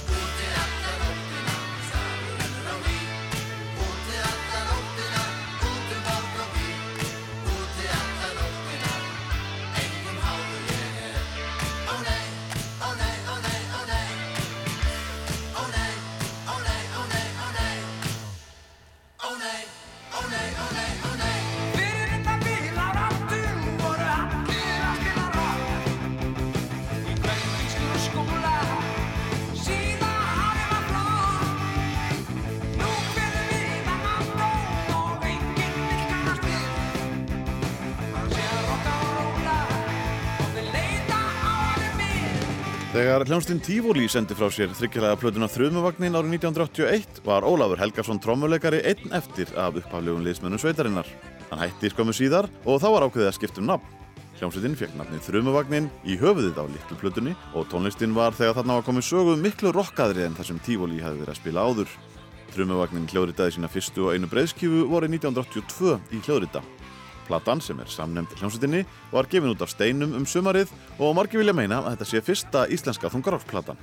Eiður Örn Eðsson söng, Brynjólfur Stefansson spilaði á bassa og bræðurnir Einar og Eyjálfur Jónssonir sáum gítar og trommuleik.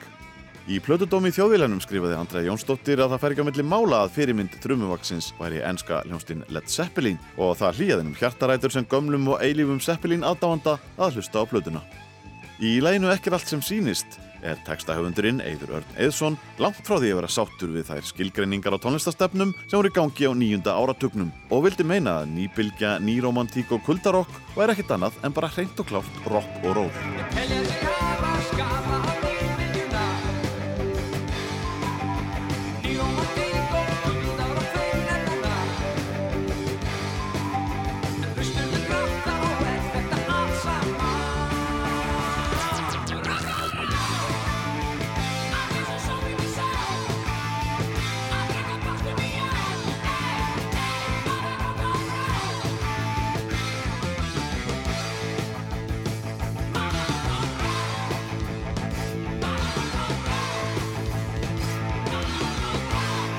Árið er 1982.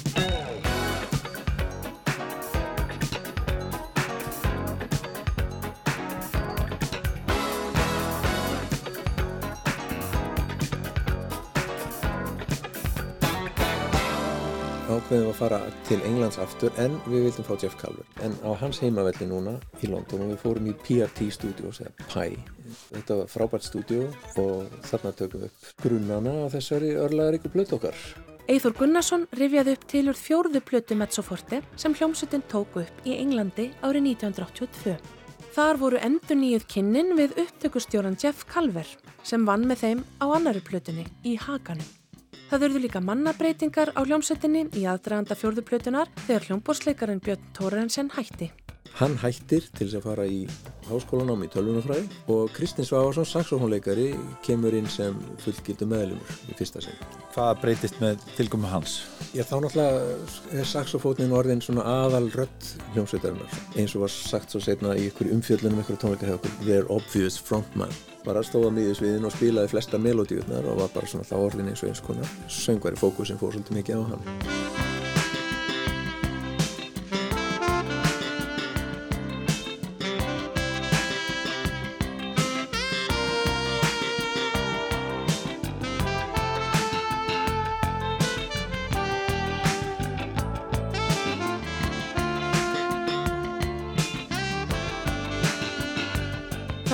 Brot úr læginu Spáðu í skíin eftir saxofónleikaran Kristinn Svavason sem var fullgildur meðlumur í sveitinni fyrir þessa plötu sem fekk einfallega nafnið Mezzoforti 4. Útgefandin Steinar Berg Íslefsson hefði mikinn metnað fyrir höndljómsveitarinnar og hann var meira en bara útgefandi. Eithor Gunnarsson og Gunnlaugur Brím sögðu Ólafi Páli Gunnarsinni í Rokklandi frá því stóra hlutverki sem Steinar gengdi hjá hljómsveitinni. Hann er einhvern veginn svona komið með þessa þráhyggju. Ég ætla að koma þessum strákum á framfæri elendis. Já, við höfum náttúrulega aldrei ennst mjög lengi nema af því að þessi tengingu útlönd kom og það náttúrulega gjörbreytti allir í svona framtíða sín. Allt í hennu var þetta orðið bara eitthvað risa batteri sko. En svona ógs jafnt og þétt sko. Hann var svona svolítið eins og bara einn meðlumur í bandinu. Hann var alltaf með okkur, hann hekk svolítið yfir okkur í stúdíónum og var svona, fylgdist mjög mikið með og tók þátt í vinsluferlinu mjög náið. Og svona var hann bara vinur okkar og, og er, sko, það auðvitað skipti miklu máli. Hann var alltaf svona nokkur skrifum á undan okkur með Já. að sjá möguleikana í hvert þetta gæti farið, sko. Hann var manager hljómsveitan líka. Hann var, sko, hann var okkar Brian Epstein eða vilt sko. já, já. hann, var- var gæðin sem hafði visjónina og ítt okkur áfram. Í júli 1981 fættist Sigriður Eithórsdóttir, fyrsta barn Eithórs og konu hans Ellenar Kristjánsdóttir. Við skulum kíkja sem snöggvast inn í stofu og óðinskötu í Reykjavík, einn kaldan vetrarmorgun 1982. Eithór situr við píanóið og Sigriður litla er eini áheyrandin þegar lagstúfur verður til sem átti heldur betur eftir að verða örlagavaldur fyrir hljómsveitina Mezzoforti.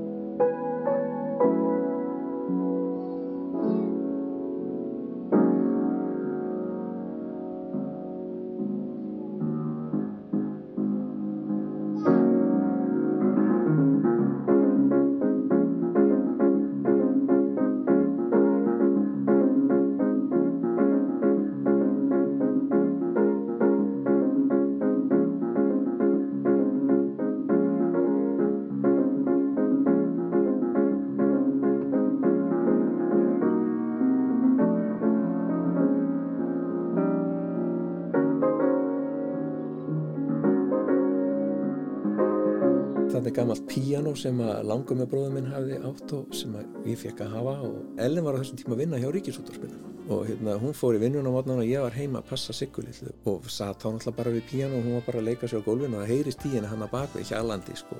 Ég seti þetta saman, þetta byggir svona svolítið bara á þessu hljómbórsriffi sko og svo var ég svona eitthvað að nostra við að breyta þessu í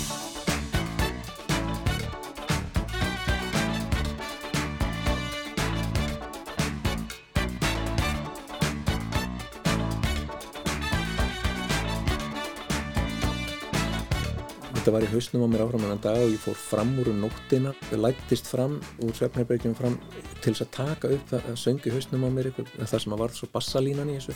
Á þessum tíma vorum við æfingarplássinir á Lindagötu og ég fór þangað og við Gulli Brím vorum bara tveirar og við Gulli settum saman formið á þessu og, arrange, og, útsetninguna. Grunnurinn að læginu Sprett úr spori var til þegar sveitin kom til Lunduna.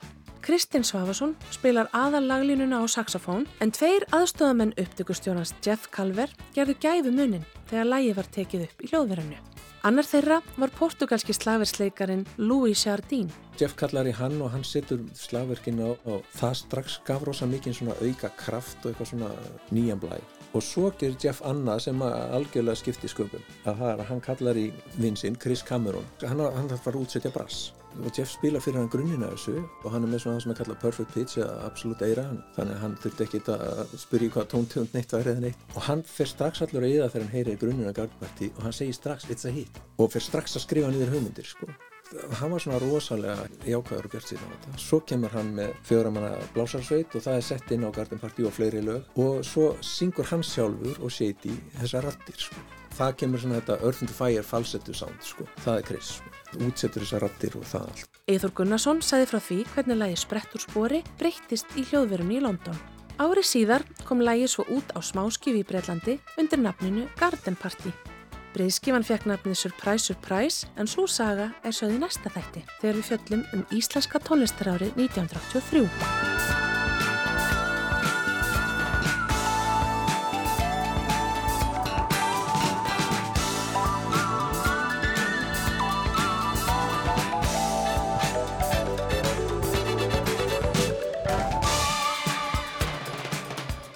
er árið 1982 senn á enda.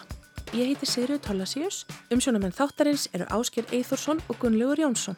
Í næsta þætti skoðum við Íslenska tónlistarárið 1983 en við endum á Lólu. Hljómsveitin Lóla frá Seyðisfyrði með söngkonuna Öllu Borg þósi broti fylkingar gaf út tveggjalega smáskífu 1982 sem var hennar fyrsta og eina plata. Lóla vann hljómsveitakeppnina í Allavík um Vestlunarna helgina og sigurlaunin voru hljóðverstímar í Grettiskatti. Hér er Lóla og titila flutunar Fornaldarhugmyndir. Takk fyrir að hlusta.